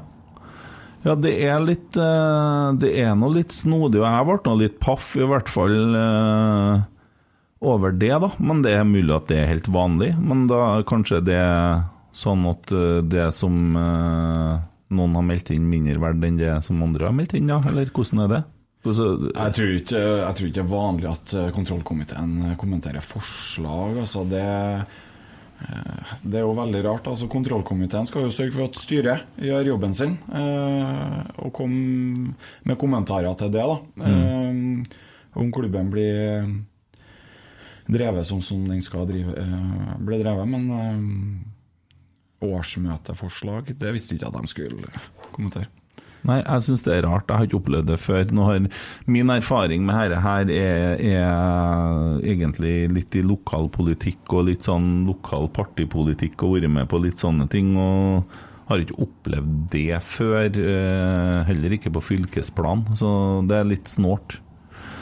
Eh, Det andre han spør om, da, at eh, nå er jo kontrollkomiteen stilt mistillitsforslag imot, og så blir de også foreslått til andre verv. Uh, nå er jeg litt usikker, men det er vel hun lederen som er foreslått inn i valgkomiteen, stemmer ikke det, tror jeg? Hvis jeg bare gjetter litt nå, skal huske på alt det her, da, men Eh, jeg kan jo ikke si at det ikke er riktig, at det er jo ifølge da dem som styrer, så er det jo tydelig at det her har fungert, og så er de fornøyd, og så vil de ha med enkelte personer videre i andre ting. Jeg vet ikke. Jeg, jeg kan ikke mene noe om det personlig, i hvert fall. Nei, for Kontrollkomiteen i 2021 har bestått av Katarina Erlandsen, som har vært leder. Mm. Svein Grøndalen og Siri Merete Rønning. Mm. Og varamedlem har vært Tor Robert Johansen. Mm. Uh, Kyrre Røsjøsæter valgte å fratre vervet i juni etter eget ønske. Mm. Men er hun foreslått et nytt verv? Ja, jeg mener hun er foreslått i en ny valgkomité, hvis ikke jeg husker helt feil. Men jeg har ikke Jeg har ikke Jeg vet ikke hva jeg mener om det. Eh, Så det blir sånn synsing, og da må man jo gå ut ifra at det mistillitsforslaget er eh, på sin plass, da, og at det er på en måte overveldende flertall for det. Og da vil det jo bli jævlig rart hvis at du, en person som blir på en måte eh, stilt mistillitsforslag mot, og fjerna fra en plass, satt inn i en annen plass som kanskje er nesten viktigere. Mm. Hvis at mistillitsforslaget går gjennom. Men det vil jeg tro at der kan det allerede bli litt kok, da. Men jeg ser ikke for meg at det mistillitsforslaget går gjennom, rett og slett fordi at jeg tror eh, Det tror jeg vi Det tror ikke jeg skjer. Innunder kontrollkomiteens oppgaver og arbeid så står det kontrollkomiteen skal også forelegges alle forslag til vedtak som skal behandles på årsmøtet, og gi en uttalelse til de saker som ligger innenfor komiteens arbeidsområde. En slik uttalelse vil i så fall følge ved hvert framlagte forslag. Mm. Så det ligger innunder arbeidsoppgavene deres. sånn Ja, men vi har ikke sett det før. Nei. Men uh, hva vet jeg? Vi lærer jo litt underveis her. det er noe annet enn å stå på teaterscenen. Jeg lærer masse. Jeg synes det er kjempeinteressant. Ja. Mm. Men det mistillitsforslaget mot eh, kontrollkomiteen, det blir interessant. da. Uh, det skal nok litt til for at feil kontrollkomiteen, men uh, ene er jo den femårsplanen som ble vedtatt for to år siden. Der, der tilta du litt på møtet. Ja, der klikka jeg jo fullstendig. Ja. Men det, der er vel Jeg husker ikke helt teksten, men det er vel at det skal lages en plan for sport og økonomi. Ja, eh, og du spurte om å få se planen, og så sier jeg meg det er ikke skrevet noe noen plass, det. Har ikke noen plan sånn. Det var bare en femårs eh, Skal vi kalle det for en verbal skisse? Tanke. Ja, det er en femårstanke, ja. Femårstanken. Ja, det er femårstanke. ja. For en plan skriver vi jo gjerne. Og, og, og det ja, Handlingsplaner og sånn, det har jeg lært deg tidlig å lage. Mm. Gjorde jeg. Altså, det sitter jo folk i styret som jobber i bank, liksom. Ja. Hvis de får eh, spørsmål om å lage en plan, eh, tenker de at det skal være liksom en tanke eller en idé som bare er i hodet. Det, det er jo kanskje en av de tingene som hun peker på, hun Cecilia. da, at det er litt uh, uprofesjonelt. Ja. Se for meg, for meg at du er læreren min, og så svarer jeg en oppgave fra deg, og skal lage en uh, idé om å slå sammen Kent Aune og DDE. Og så kommer jeg og møter opp på skolen, og så sier jeg ja, jeg har ordna nå. Eh, Jeg har en femårsplan. Jeg får se. Nei, nei, nei, nei hør nå, hør nå. Altså, det må skje nå, for toget går nå. Og jeg må ha like mye lønn som dem. Ja, men det er jo ikke så mange å høre på det. Nei, men altså, jeg må få en sjanse òg. Altså, tenk på det, da. Eh, jeg, jeg, ja, jeg fortjener jo det. Altså, det er min tur nå. Det er min tur. Du er upcoming star, vet Ja, du. De det- kommer til å bli eh, større. Ja, de dem, dem må jo ta ansvar for å hjelpe meg opp, da, som fyller Trondheim Spektrum. Så jeg må jo få samme lønna som dem nå. det, det, det er litt sånn her Ja, men få se planen, da. Ja, men den er jo her. Hør, da. Men det blir jo avslørt da, rett og slett at den planen der, den eksisterer ikke. da. Eh, og det ja, Jeg ble jo veldig veldig irritert av det, at det går an til å holde på så uprofesjonelt. og de svarte jo forskjellige ting, styremedlemmene på bordet sitt. sånn Vis fram den presentasjonen der, og noen sa noe helt annet. Så det var jo tydelig ukomfortabelt eh, for dem. da Og da Ja. syns jeg det er rart at kontrollkomiteen også nå, da selv om jeg har sendt inn e-post og bedt dem kommentere det her om eh, vedtaket som er gjort for to år siden, Mm. er det fulgt opp, mener dere, eller er det ikke fulgt opp? Jeg klarer ikke å se at de har kommentert det Mm. eh, her, så um, Og det, det er alvorlig, altså, når eh, årsmøtevedtak ikke blir fulgt opp. Mm. Det er det er syltynt. Sånn at eh, den kontrollkomiteen har null tillit uh, fra min side. Hvis de ikke klarer å gi en, eh, komme en uttalelse om det er fulgt opp det årsmøtevedtaket eller ikke. Så Mm. ja. Ja. Ja, det var litt rundt eh, Christer sitt spørsmål. Så har vi han, eh, skal vi se, mest positive av dem alle, da. Han eh, Gruppe?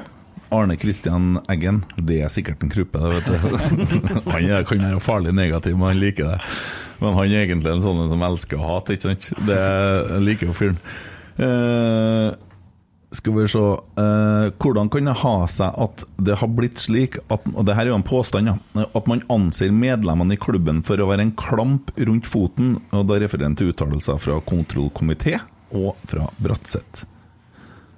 Man kan jo tolke det sånn i media, og at uh, det er oppleves ubehagelig. Og så ser for meg når de får en mail fra deg, og så sitter han og rekker meg inn skolebollen. Den var veldig god, veldig god. Og det har kommet en mail fra han igjen. Ja, men eh, altså, det blir, det blir brysom. Uff. Steike ta.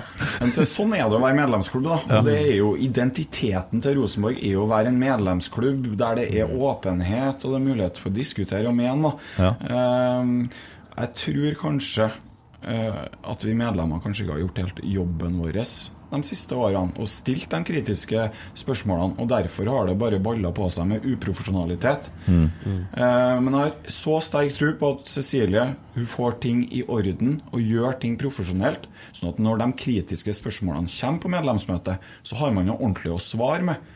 Og da vil de kritiske spørsmålene etter hvert forsvinne litt, tror jeg. I Mm. hvert fall mengden som er nå. Hvis man viser liksom, jo, men se her, vi driver jo profesjonelt. Her er femårsplan. Det her skal vi få til neste år. Så blir det sånn, og så blir det sånn.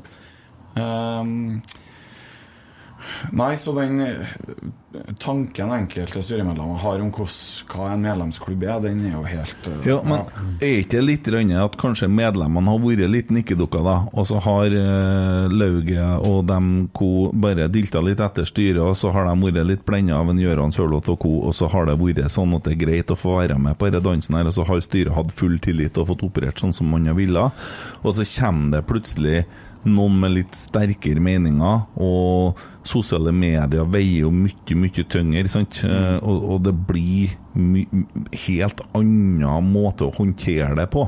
Eh, og det virker jo, da, for å dele det synspunktet, som at Cecilie kanskje er bedre rusta til å skal håndtere det å drifte en medlemsklubb og inkludere medlemmene og kommunisere til forskjellige ører, for det er jo snakk om 10 000 forskjellige ører som skal høre på ting på 10 000 forskjellige måter òg. Kontra det som kanskje Ivar har vent seg på, da, som er sikkert nok veldig mye mer sånn Jeg tror han er veldig slagkraftig og får ting gjort og durer på. eh, og kjører mer rett fram, uh, mer i sin stil. Jeg tror det blir litt mer sånn Sånn gjør vi i Rosenborg, sånn har vi gjort det i alle år, så det må være greit, liksom. Ja, Mens det nå blir det sånn litt mer sånn Hallo, vi må skrive det ned, liksom. Vi må jo, her må vi jo ha hjelp til å få til det her. Mm. Og, så det er ikke sikkert at alt som har på en måte hunget med fra fortida, eh, er bra. da At det kan være greit å gjøre noen endringer, sånn eh, hvordan vi styrer klubben, blant annet. da Mm. Så um, Cecilie peker jo på veldig veldig mye som må bli forbedra. Det ene er jo profesjonalisering eh, av mye av det som skjer, og så er- handler det om kommunikasjon. Og Mm. åpenhet. da Og Der òg kanskje vi medlemmer har vært litt for dårlige. da Altså Vi tenker på åpenhet som liksom Døra inn til brakka åpen, kan jeg ta meg en kaffe Mm. der? Mm. Er døra åpen, så ja, da er det åpenhet, det. Mm. Og er den ikke åpen, da er det ikke åpenhet, og da blir vi sur på medlemsmøtet. Mm. Det, jeg husker jeg var En av de første sakene liksom, når jeg var på medlemsmøte, så var det noen som var forbanna for at ikke brakka var åpen for dem. Det var saken. Mm. Så åpenhet er jo noe mye mer enn det, da. Mm. Og på en måte innsiden òg. Ja, det er en del av åpenhet. Eh, Det er jo blitt kjempebra. Mm. Men innsiden alene, det er ikke nok åpenhet altså, Nei, nei. som skal være i klubben. Nei, men altså Og, og det, det kan jo være alt ifra nettroll det, det er åpenhet. Men, nei, men altså det, Jeg skjønner godt hva du mener, det er et veldig godt poeng at det er mer enn at døra til brakka er åpen. Altså åpenhet, og styret har åpenhet. Men igjen da, så er det jo forskjell på å barbere seg og skjære av seg hodet. Og styret må få den myndigheten og mandatet til å ta avgjørelser sjøl, og at man må ha tillit til at det som foregår der, er godt ivaretatt.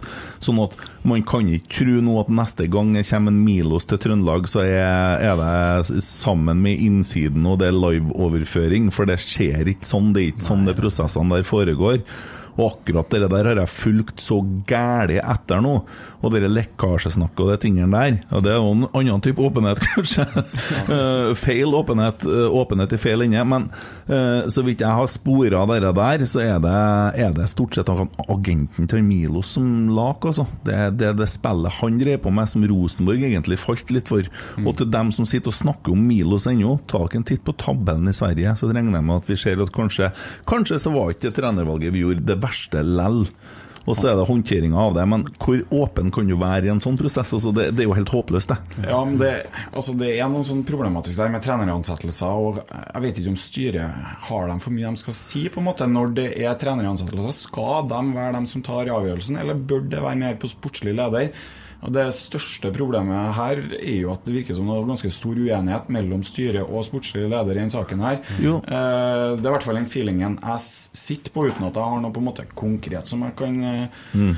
Eh, Ja, men det kan jo bli litt av en suppe, for en Tore Strømme skulle jo fjerne en Dorsin òg, han han satt her, så ja, Når Rune Bratseth forrige, så hvem som ansatte trenere til slutt, det vet ikke jeg, men uh, da, kanskje? Ja. Men du, du sier jo noe der. Etter at Rune Bratseth eh, trakk seg fra styret, nå, så måtte jo valgkomiteen eh, sette seg ned på nytt for å lage Mm. en ny innstilling. Mm. Og innstillinga de har laga nå foran års, årsmøtet i morgen, Mm. det er jo både med og uten fusjon. Mm. Og det felles styret de har laga en innstilling til ved fusjon, er jo Cecilie som Mm. leder. Mm. Ørjan Engen på valg to år som nestleder. Og så er det Tore Reginiussen, restperiode Rosenborg ballklubb ett år. Karin Espelund på valg to år. Ingvild Farstad på valg to år. Ole Jørstad, restperiode ett år. Ingrid Meyer på valg to år. Ola By Riise på valg to år. Og Svein Tore Samdal er ikke på valg. Mm. Og så er det to varamedlem. Mm. Og styret uten fusjon. Fortsatt leder Cecilie. Nestleder Svein, Svein Tore Samdal. Frank Norvik på valg for to år. Karen Espelund på valg for to år. Ole Jørstad, restperiode ett år. Tore Regg på valg for to år. Og Ola By på valg for to år. Mm. Og snakke om åpenhet. Tore og Ola, der får vi åpenhet. Tore sto jo sammen med kjernen i helga. Og viser da- jo litt. Og dere bruker å ha dagens rotsekk. Ja. Og jeg hadde lyst til å foreslå Tore Reginussen som dagens rotsekk. ja. Kan jeg få lov til det? Jo, vil du ha det? Ja, kan ikke jeg få det? Det gjør jo så samme for meg. Det. Dagens rotsekk.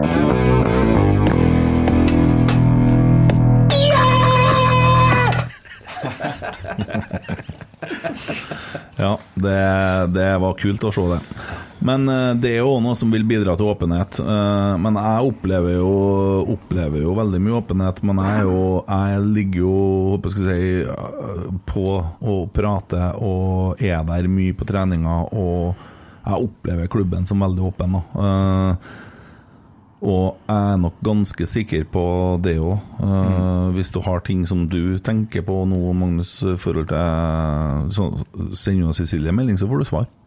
Ja, det er, altså, Men, men du, Kent, du oppsøker jo det for å få den åpenheten. Ja. Hva med alle de andre medlemmene som ikke oppsøker for å få den åpenheten? Hva Jeg kan gjør klubben gjøre for, for å vise den? Jeg gjør det jo for å fortelle det her, sånn at jeg har jo på en måte tatt på meg det her. Altså, jeg bruker jo ekstremt mye av tida mi på Rosenborg. Eh, og, og, og da blir det på en måte Men jeg mener fortsatt at jeg representerer den gjengse supporteren, for vi holder oss veldig fast i det at vi er en supporterpodkast. Og hvis man hører på det som jeg har uttalt i dag òg, så skjønner man jo at det er ikke noe First House-pod, det er ikke noe som er plassert her.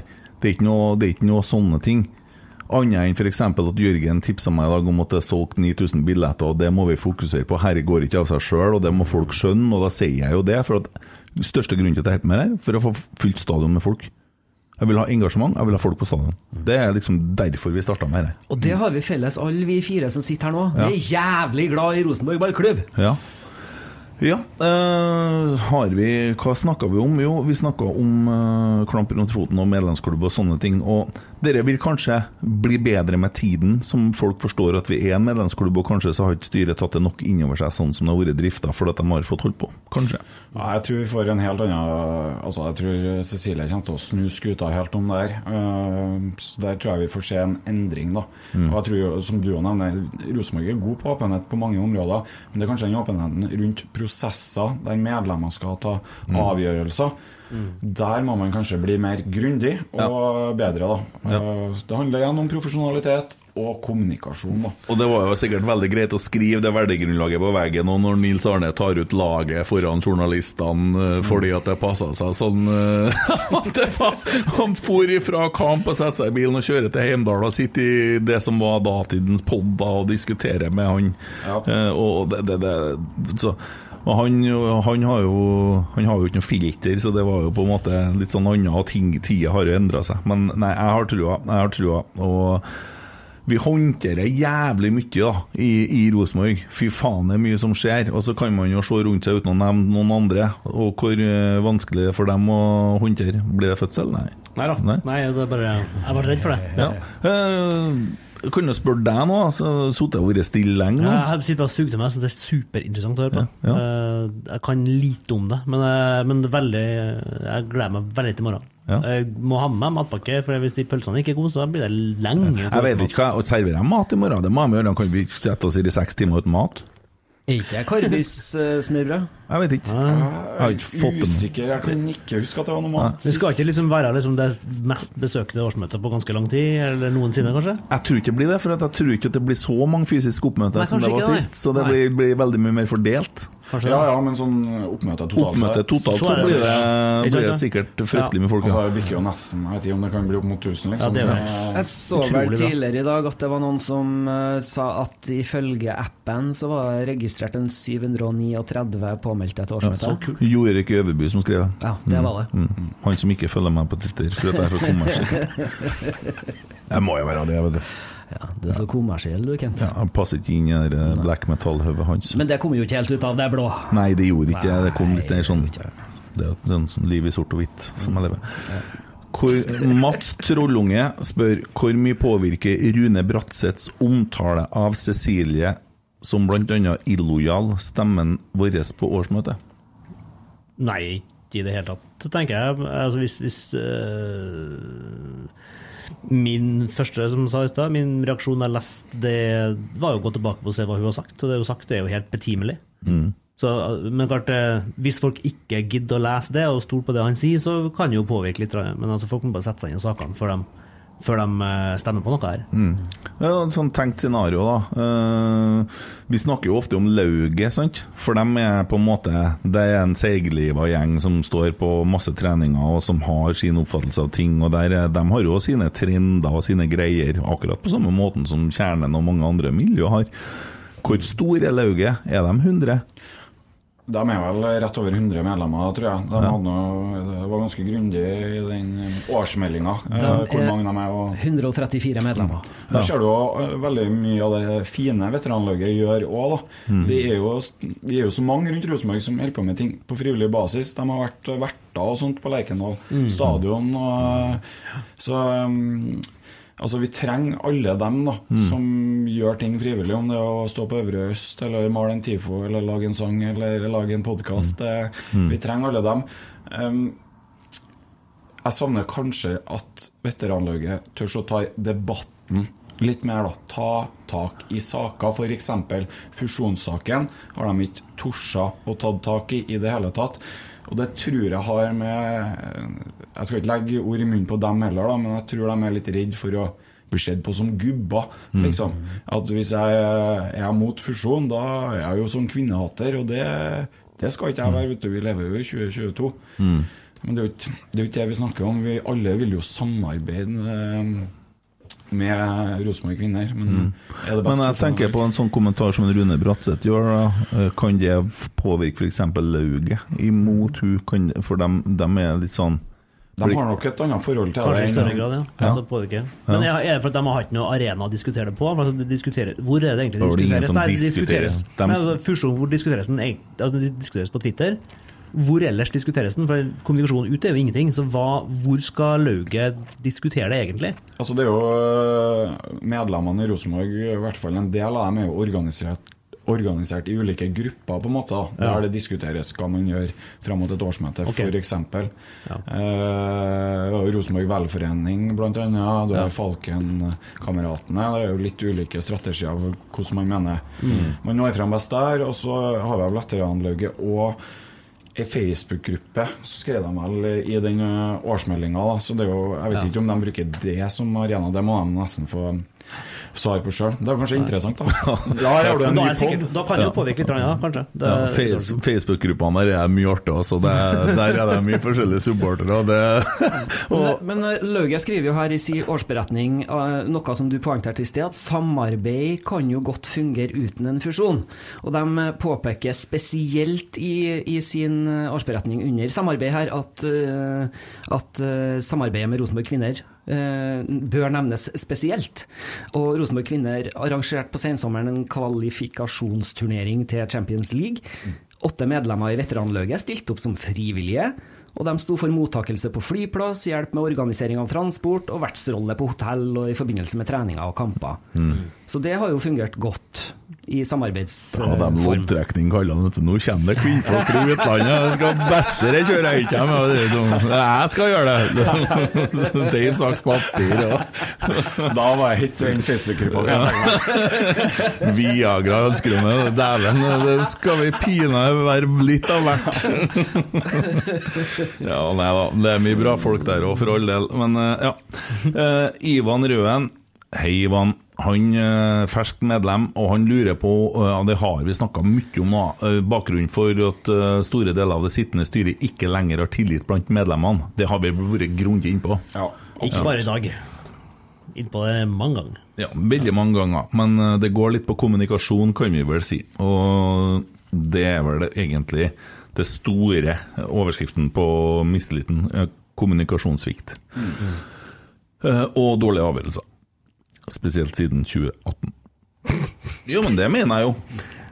ja, du ga meg megetsigende blikk. Men ja. Jo, jo, jo, for at, uh, det er noe Vi var nå litt innpå det i stad. Må ikke på seg blokker jeg nå. Uh, blir Pål uh, Børge Fjell spør Den skjønner ikke jeg, men kanskje dere er mer oppvakt enn meg. Blir Pål André Helland litt svett hver gang han ser Tore Strømøy? Nå må noen andre svare enn meg. Jeg skjønner er at av. Han tillegger jo eh, Pål André noen egenskaper som du sitter på, tydeligvis. Ja. Ok, det var jo dagen som hørte jeg fra deg. Ah, sånn, ja. Ja, det er sikkert det. Jeg, eh, ok. Nå skjønner jeg, men jeg skjønner fortsatt ikke. Nei, jeg sa jo at jeg- vi hadde jo fryktelig artig når han var her i studio. Herregud, hvor eh, mye fliring det var. For at eh, jeg har jo hatt sånn når jeg har vært ute og spilt, vet du, så har jo folk hatt sånn gjesteliste, sant? Sånn folk som kommer inn gratis og sånn. Jeg hadde nekteliste, og i hvert fall Tore Strømme sto øverst. Må ikke vise seg heller, Jeg tør ikke jeg å spille. Ron Ellingen. Denne skal vi ta en Nei. Denne femårsplanen uh, man viser til, og visstnok ikke, ikke eksisterer, hvordan er grensesnittet mellom styre og daglig leder her, med tanke på ansvar? Jeg tenker jo Det er styret sitt ansvar at det vedtaket blir fulgt opp, da. Men de Mm. kan jo gjerne delegere det på en måte videre, da. Kan de. Mm. Men det er jo styret som sitter med ansvar for at årsmøtevedtak blir fulgt opp. Eh, og så hvordan det blir fulgt opp, det må det være opp til dem. da de, Om de sender en eh, henvendelse til noen andre i klubben, så kan dere se på her, hva tenker dere er hensiktsmessig. Om det er arbeidsgruppe, eh, hva det er. Det, Ja. Ja, han skriver at han syns at daglig leder i RBK altfor sjeldent blir stilt til ansvar. Mye fortjent styrekritikk, men daglig leder er vel øverste leder i RBK. Og så får han svar fra Simon at daglig leder ansettes av styret.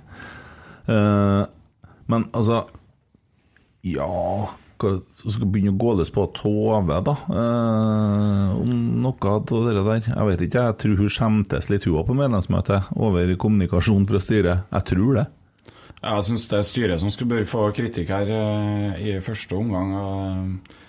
Jeg har i hvert fall ikke noe saklig å komme mot eh, Tove. Nei. Eller ikke usaklig, for den saks skyld. nei, jeg syns hun har bare vært helt fantastisk, og hun har uh... Men samtidig har hun blitt muta litt av en litt for synlig styreleder? Jeg tror Tove ikke har blitt det. Jeg tror ikke hun Nei. føler det. Uh, og jeg tror òg at hun har vært Nei, jeg vil ikke si noe om det. Jeg tror Tove er fornøyd. Da det, Det var bare et spørsmål fra meg, og ikke ja, en men det. Og det er jo bare min tru. Altså, jeg vet jo faen ikke. Hva vet jeg, da? Jeg. Sitter jo på Risvollan og gaper. Sikler litt innimellom og sover og ja. Det er jo snakke om det. Jeg må fortelle den Emil, vet du. Jeg sa til han at jeg skulle oute han. Jeg må ta med det nå. Han har vært i barnehagen i dag og henta gutten sin. Han toåringen sin. Og Han kommer ut i bilen, så syns han faen, jeg bar jo med meg noe tungt når jeg gikk inn. Åh, han glemte andre gutten. Han har, han har begynt i pappaperm, så. så han tatt med seg han eh, litt nyere gutten inn og vet hadde han under armen. Så satte han igjen inni der, og så han tatt med seg andre gutten og gått i bilen. Byt- Bytte han igjen. Den er fin, altså. Da du sliten. Ja, da Hva er nå jeg skulle Ikke vært verre hvis han kjørte, men uh, Heinz Andreas Maya, det er veldig tysk navn. Han har litt sånn tyske aner, har ikke han? Ja, det må være 100 det. Ja. En uh, utrolig kjekk kar, da. Uh, tanker rundt budsjett, og da spesielt rundt billettinntekter. Ja, vi var inne på det tidligere på den her. Det var 13 000 eh, som var estimat snitt for at det der skulle være oppnåelig. Ja, det mener jeg ganske bestemt. Jeg. Altså, Hovedutfordringa til Rosenborg nå Det er jo at sesongkortsalget er fryktelig lavt. Det siste tallet jeg hørte, hørt, er at det ligger på fem, liksom. Mm. Og det er så stor forskjell å starte på fem kontra ti, som vi har gjort de beste årene. Og Du ser nå når vi møter Molde liksom eh, på søndagen, det er godt vær, sol, mm. og vi klarer å trekke rett under 15 ennå på til slutt. Mm. Skal jobbes hardt for å få 13 i snitt, jeg. Altså. Ja. Eh, han, eh, Christer deler en sak som Thomas Myhren har skrevet 20.4.22.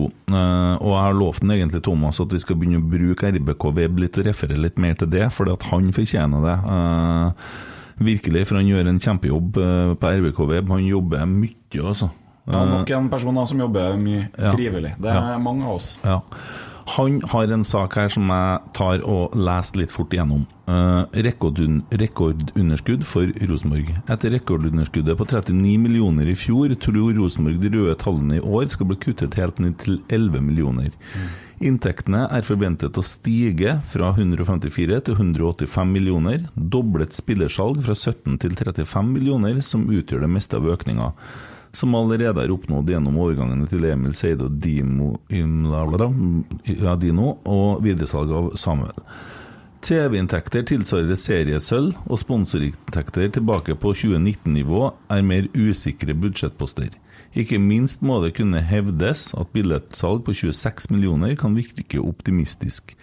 Til sammenligning dro klubben inn 21 millioner på 15 hjemmekamper i serien i 2019, da tilskuddssnittet var 12 000. Altså økning på 5 millioner fra 2019. Da. Eh, det vil si at det er ganske mange tusen flere enn 12. Eh, Gitt 109 kroner som gjennomsnittlig billettpris som den gang, må Rosenborg samle 15 700 per kamp for å oppnå salgsbudsjettet.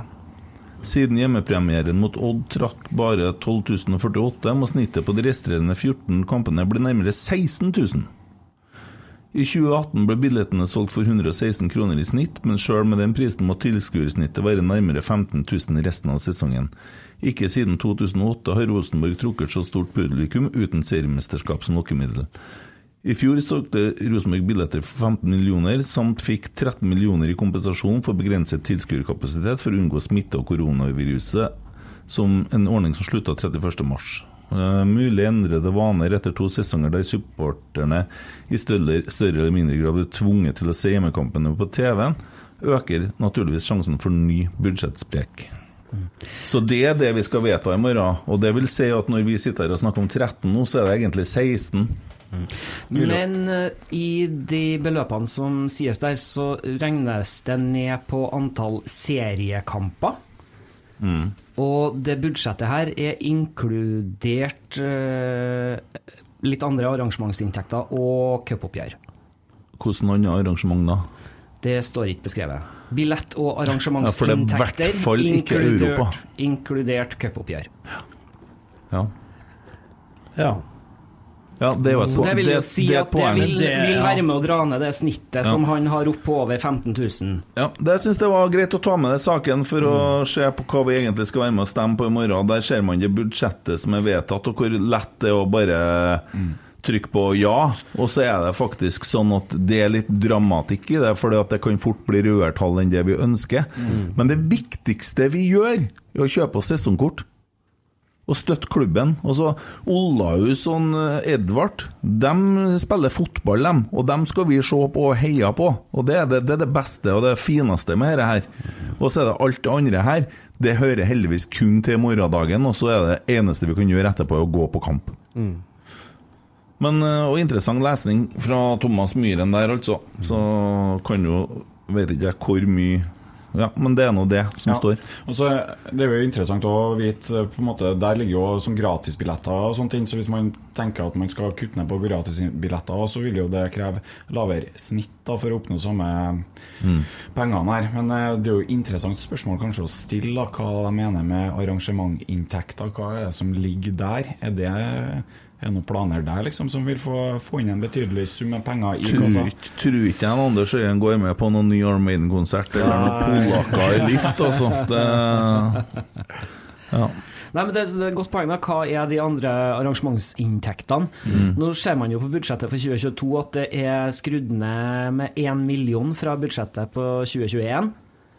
Eh, selv om regnskapet for 2021 tilsier eh, 11 mill. mindre i inntekter på billett- og, og arrangementsinntekter. Mm. Så, så Jeg håper nå at Noah begynner å score som faen, og så sitter vi her i oktober og flirer av det poden her.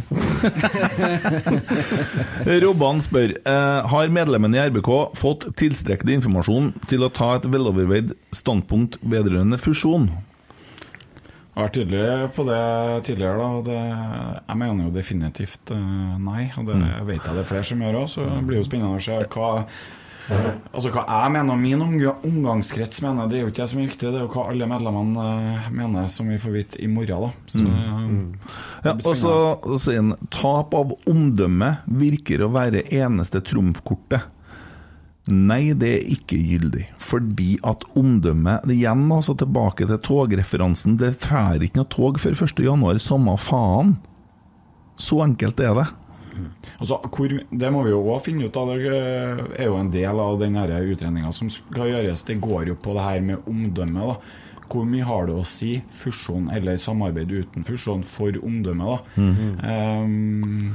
Det hadde vært noe annet hvis vi hadde nekta Trondheimsøren å bli Rosenborg. For, menig, for Ja. menigmann så tror ikke jeg det vil bety noen verdens ting. Altså, vi ser jo, vi jo sliter jo når vi ser på en måte Sitter igjen. Jeg hater City, jeg skjønner ikke hvorfor jeg nevner dem egentlig hver gang. Men jeg, jeg aner jo ikke om de er fusjonert eller om de samarbeider på samme måte som oss. Mm. Så jeg kan ikke se på en måte at eh, det skal ha så mye å si, egentlig. da Mm. Ja, og så har jeg glimt av alt mulig og et eller annet. Spurt hvis det skal lages en statue av Rune Bratseth, og så orker ikke jeg lese mer, så skal jeg bare si til glimt av alt mulig og så videre. Dra til helvete! Ja, jeg skal si at du drar til Saltstraumen nå, så går du på brua der, og så hopper du der, og så prøver du å svømme ned gjennom strømmen. Så ser vi hvordan det går. Så meldes vi neste år. Vet du hva som skjer da? Fortell meg. Saltstrømmen er så sterk matstrøm, det er verdens sterkeste matstrøm. Fer du ned gjennom strømmene der, så er du borte. Ja. Ja, der ble det ble dratt ned båter der. Mm, ja, Ja. Jeg tenkte jeg skulle komme med at, jeg har ordna rabatt på byggmaker på tau og en god bjelke, men så tenkte jeg Bad i saltstrømmen! Ja. Ja. Nå muter jeg en Kent. Det var jo god humor, det. Ja da. Glimt av alt mulig. Bad i Saltstraumen. Megafonmannen. Uh, gjestene sine tanker rundt budsjettet som er foreslått. Ja, vi har da vært litt innom det nå, da. Og da spesielt uh, publikumstall som du, Jo Erik, kan være med å påvirke. Med å fylle Øvre Øst. Ja. Uh, og sikkert andre ting òg. Men eh, hva annet kan man gjøre? Og så vet jeg resten av budsjettet, det er fryktelig vanskelig å forholde seg til, men spillersalg, der er vi jo i god rute, som en skriver Thomas Myhren. Og syns den saken for så vidt var ganske dekkende. Der er jo faktisk kontrollkomiteen litt på ballen da, eh, i årsmeldinga. For de kommenterer vel at det bør gjøres noe sånn at man ikke budsjetterer med minus de gangene man ikke er i Europa. da. Tror jeg det er en liten notis der, da. Det, det å få grønne tall, det, det blir nok viktig framover. Mm. Ja. Eh, Fredrik Fredriksen, det begynner å nærme seg slutten, så det, vi, men vi har tatt en Garsol snart nå. Noen tanker rundt styreledervervet er ulønnet til tross for at det krever mye tid og arbeid. Kunne man honorert noe slik at det på et vis, på et vis forplikter mer? Sikkert mange plusser og minuser ved dette som har mer peiling på. Ja, jeg tror det egentlig er muligheten for et honorar der, som jeg tror Ivar bare har avstått fra. Men uh, selvsagt så er det såpass mye arbeid at uh, det, det bør være lønna på noen måte, eller honorert. Det syns jeg absolutt. Ja, og så handler det om hvem vil vi ha i styret. da Vil vi ha folk som gjør det pga. økonomiske grunner, eller fordi Mm. at de eh, liker klubben? Så Det der er en eh, vanskelig sak. da En annen løsning kan jo kanskje være å gjøre grep som gjør at styret får mindre arbeidsoppgaver. da Mm. eh, ja, jeg skjønner jo at det er dritt å sitte i styret hvis man får så mye arbeidsoppgaver at uh, man ikke får gjort. Ting ordentlig. da Så Det er litt interessant å se på historikken til Ivar og i styret, for han var jo genierklært han kom inn i Rosenborg og løfta det. eh, fordi at det ble god økonomi igjen. Det gjorde, gjorde jo en del grep og sånn, for det var jo gale Mathias her i Erik Hamren-tida. Det brukte bedre mye penger. Men ble Ivar litt berga av det salget av det tomta? Altså, kunne ikke egentlig det ha skjedd under hvem som helst styreleder, liksom? Men altså, klart han Ivar er jævla flink med penger, da, det skjønner vi jo. Han har jo litt av det. Ja, absolutt. Det var jo litt sånn før min tid, egentlig, da, som, Ja. som jeg, Du er veld, veld, veldig ung. Er veldig ung. Ja, hvor gammel er du? Jeg er bare 28, så. 28, ja. Født i 94. Oi. Så 94, vet du hva som skjedde til meg i 94? fikk sikkert en unge eller noe. Nei, jeg ble lagt inn for rus. Jeg jeg var i behandling for rusmisbruk i 1994 og vært edru siden. Fikk du med OL, da? Hæ? Fikk du med OL? Det kan jeg trygt si nei til, for det var i desember jeg ble lagt inn.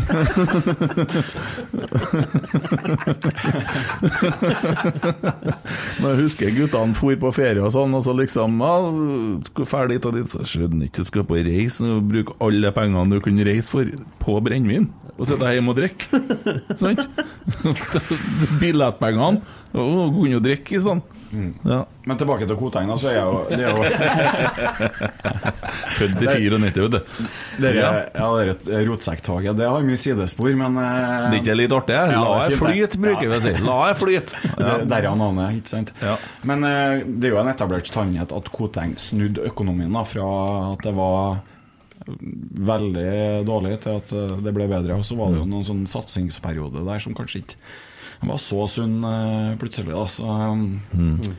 Snakk om det, styreleder og sånn. Husker du når Terje Svendsen satt der sammen med en, eh, han eh, bergenseren, og hva heter han koselige bergenseren?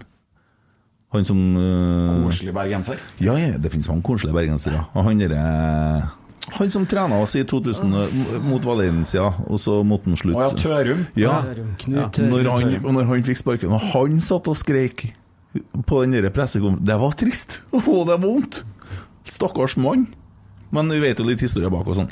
Eh, R. Thorsen, eh, Oilfingeren, han er jo en sånn Rosenborg 2-guru i lag med eh, Jon Tore, som var på Byåsen i går. Tohoda troll, det der, tror jeg.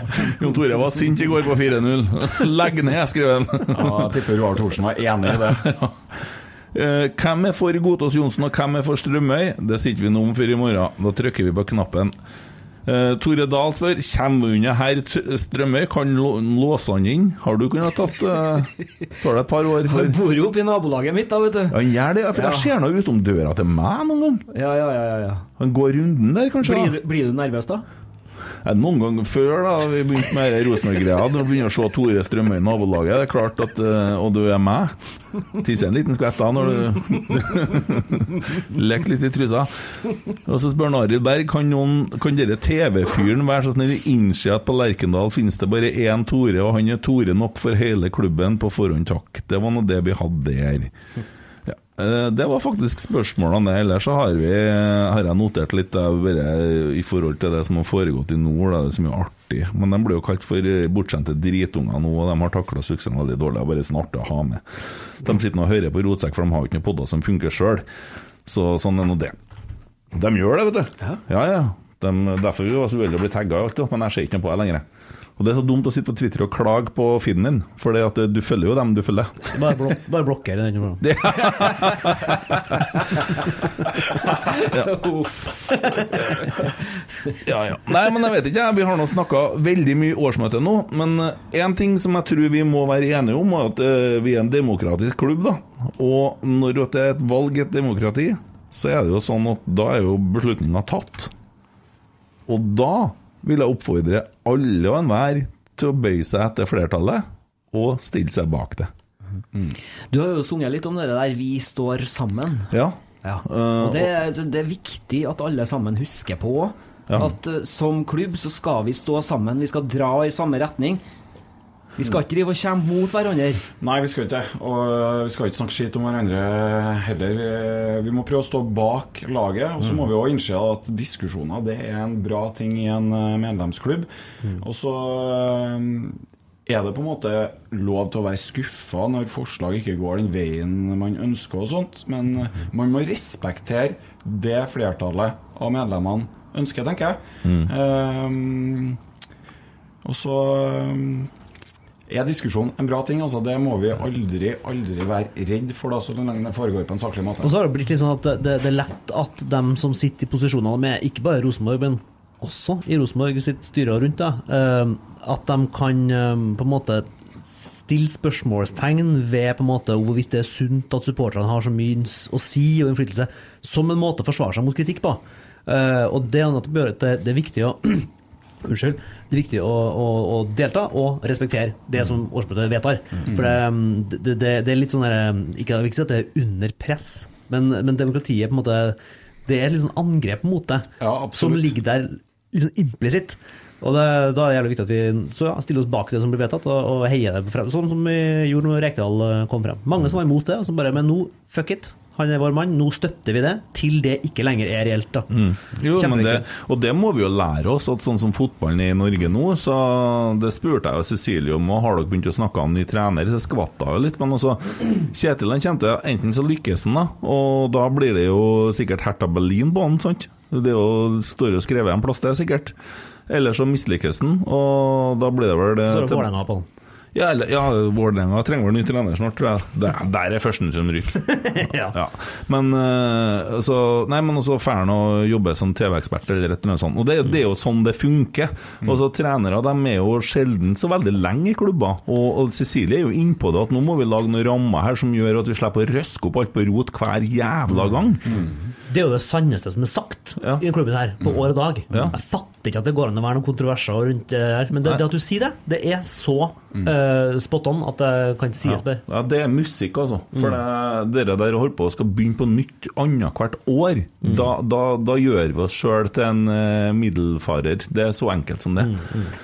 Middelhavsfarer er vel det riktige ordet, men alle skjønte hva jeg mente. Men nå fikk jeg sagt det ordentlig, da, så ikke Jonas sitter og flirer, da. Mm, det har han vel allerede begynt med. Det. Men eh, nei, og det er jo klart at det var ei som sa det på medlemsmøtet fra Rosenborg Kvinner òg. Når de hadde sånne diskusjoner i noe sånt forum hun var med i, så skjønte de det etter hvert at så lenge 80 var enige, så var egentlig det veldig bra. Altså Alle kommer aldri alltid til å være enig i alt. Altså, det er så enkelt. Og det er jo det som er problemet med fotballklubben vår, da. Det er så forbanna sterke følelser. Og media fråtser i oss, ikke sant? Til og med du har vært Nei, men så, å, å, det, det er så mye, og det er og så, det, det som jeg sier, da Skal ikke jeg dra fram denne klubben oppe i nord igjen, men det, treneren der har aldri vært mer i media enn når han var linka til Rosenborg. Da var han i media hver dag. Sant? Uh, og, og det var fokus på det, og det sier litt om størrelsen på klubben og interessen rundt det, og det skal vi jo bedre være glad for, da. Ja, absolutt. Så får vi bare tro og håpe at de valgene som blir tatt, er til det beste for klubben, og at eh, det er med å bringe klubben eh, videre fremover dit vi skal være. Og jeg er jævlig glad for at den krisestemninga som har vært, er på en femteplass. For vi snakker om at det var en klubb vi snakka om i stad, tør ikke sånn name-droppe noen klubber, som måtte ned en divisjon for å resette seg og komme opp igjen. Vi har ned til femteplass for å resette oss, for å komme opp igjen. Det sier litt om nivået, hvor nivået er hen, og det er jeg glad for. Så, ja. Og tabben skjer ikke på etter halvspilt, før halvspilt sesong, gjør vi det? Vi trenger ikke det. Det er bare tullete, vet du. Det er jo, øh, ser noen klubber Sandnes Ulf var delt tabellen etter to serierunder og kommenterte at de har flere av dem sjøl, da. Tullinger. Nei, folk må slutte å være så smålige at de ikke skjønner at det er klubben som er størst. Det er jo det. Og det går litt også på meningene som deles. Eh, Definitivt. Ja, fordi at eh, det å sette klubben foran seg sjøl, og det er en vanskelig øvelse, da. Mm. Fordi at det er noen som brenner så mye for det de mener at eh, Og det er sånn som Rune nå, som klarer på en måte å si det, at han skal bidra til klubben fortsatt. At han setter faktisk klubben foran seg sjøl. det, absolutt. Det er stort av en eh, Altså i den sånn følelsesmessig, sånn som han har det sikkert nå, så er det um, veldig sterkt at han kan si det. Og Ivar sa jo det samme. Hvis det er beste for klubben at jeg er frater, så gjør jeg selvsagt det. Og det er jo fint. Da, da viser man jo med at man setter klubben foran seg sjøl.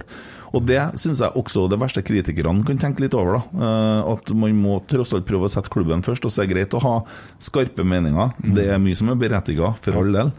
Men eh, det er forskjell på det å sitte og slå hull i båten fra innsida, som jeg bruker å si. Og nå har jo båt blitt et uttrykk òg, da. Eh, og det verste jeg diskuterer med på Twitter, og det er derfor jeg også følger Molde-folk eller sånn, jeg syns det er mye artigere å krangle med motstandere.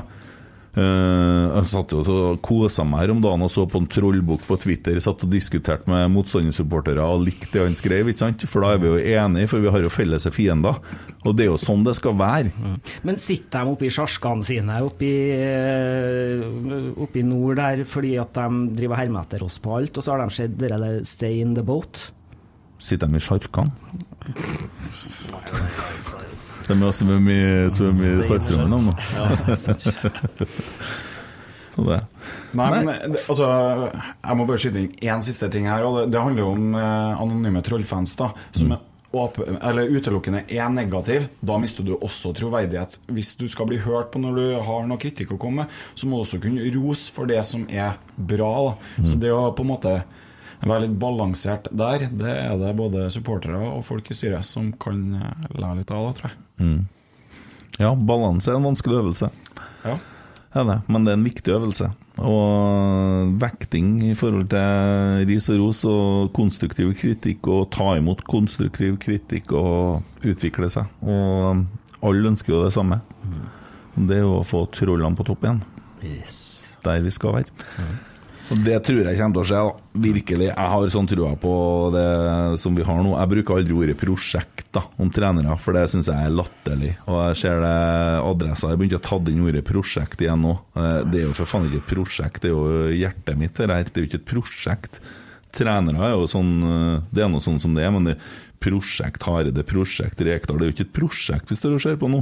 Det er jo et eventyr i sort og hvitt. Mm. Så ja. Hva sier Arnøy? Jeg har lyst til å si en ting om en Rune Bratseth, jeg.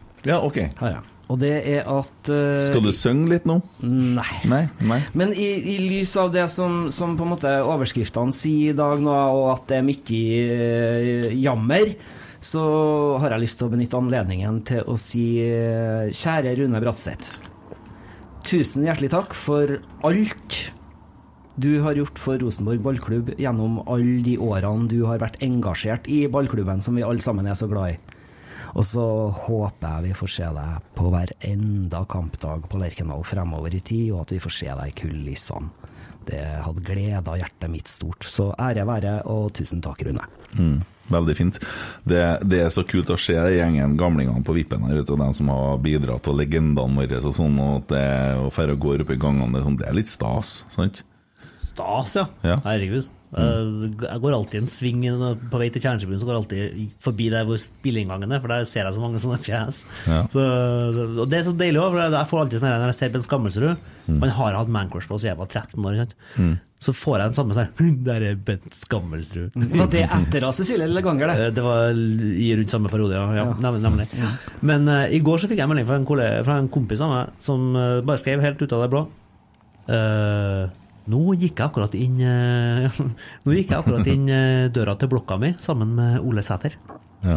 Ah, Det, det, det er bare Denne fyren melder meg på dagsbasis. Nei. Men eh, det skrev han, og det er sånn deilig at det, det kommer sånne nye stjerner som kommer til å bli legender. Bombesikker på det. Og det gir meg så trua på prosjekt. Ja. Rekdal. Ja. For å bruke det ordet. Jeg var på dugnad i dag i borettslaget og på ordna ut og sånn, og hva tror dere Karlan snakka om? De snakka om Rosenborg. Ja. De snakka om Rosenborg, de snakka om kampen som var i helga. Én syntes det var altfor dårlig. og Andre så trua på at nå er det mye unggutter, og nå er det mye trøndere, og en annen mente noe annet. Og det, diskusjonen var Rosenborg, og da tenkte jeg det liker jeg. Det at vi engasjerer sånn som det der Vi hører, er med i Rosenborg nå. Men at Rosenborg engasjerer sånn at det er Det jo det, det Jeg elsker det. Men det er jo det som er så nydelig, det at du, du sier vi. Mm. Du er så Ja, vi er jo medlemmer, vi skal, skal være med og stemme i morgen, så det er jo naturlig å si vi. Men eh, det, det, det er så godt å høre dere der kaffepraten og dere dugnadspraten og det, det der man snakker om, og at det betyr så mye. Og Derfor så hyller jeg jo adresser som har starta Dagens Ivers og alt det som skjer på pod-sida og sånne ting. Også trollprat, selvsagt, som vi nå snart har tatt igjen i lengde. Da. Det må vi... Dem som hører på nå, dem er faen meg dumme. altså. Steik! Dæven, du som hører på, du har ikke noe liv. Trollprat har vel livepod nå, så det er bare å sjekke om de fortsatt holder på. Da må vi fortsette. Ja, ja, ja.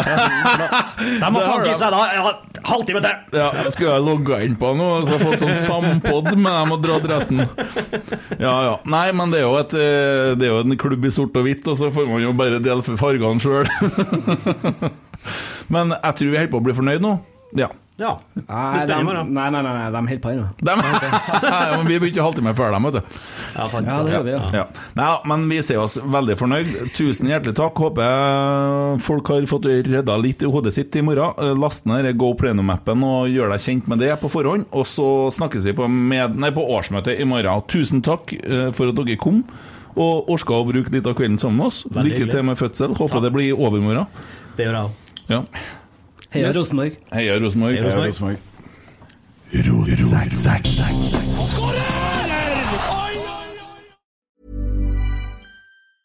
Even when we're on a budget, we still deserve nice things. Quince is a place to scoop up stunning high-end goods for 50 to 80% less than similar brands. They have buttery soft cashmere sweaters starting at $50, luxurious Italian leather bags, and so much more. Plus, Quince only works with factories that use safe, ethical, and responsible manufacturing. Get the high-end goods you'll love without the high price tag with Quince. Go to quince.com slash style for free shipping and 365-day returns.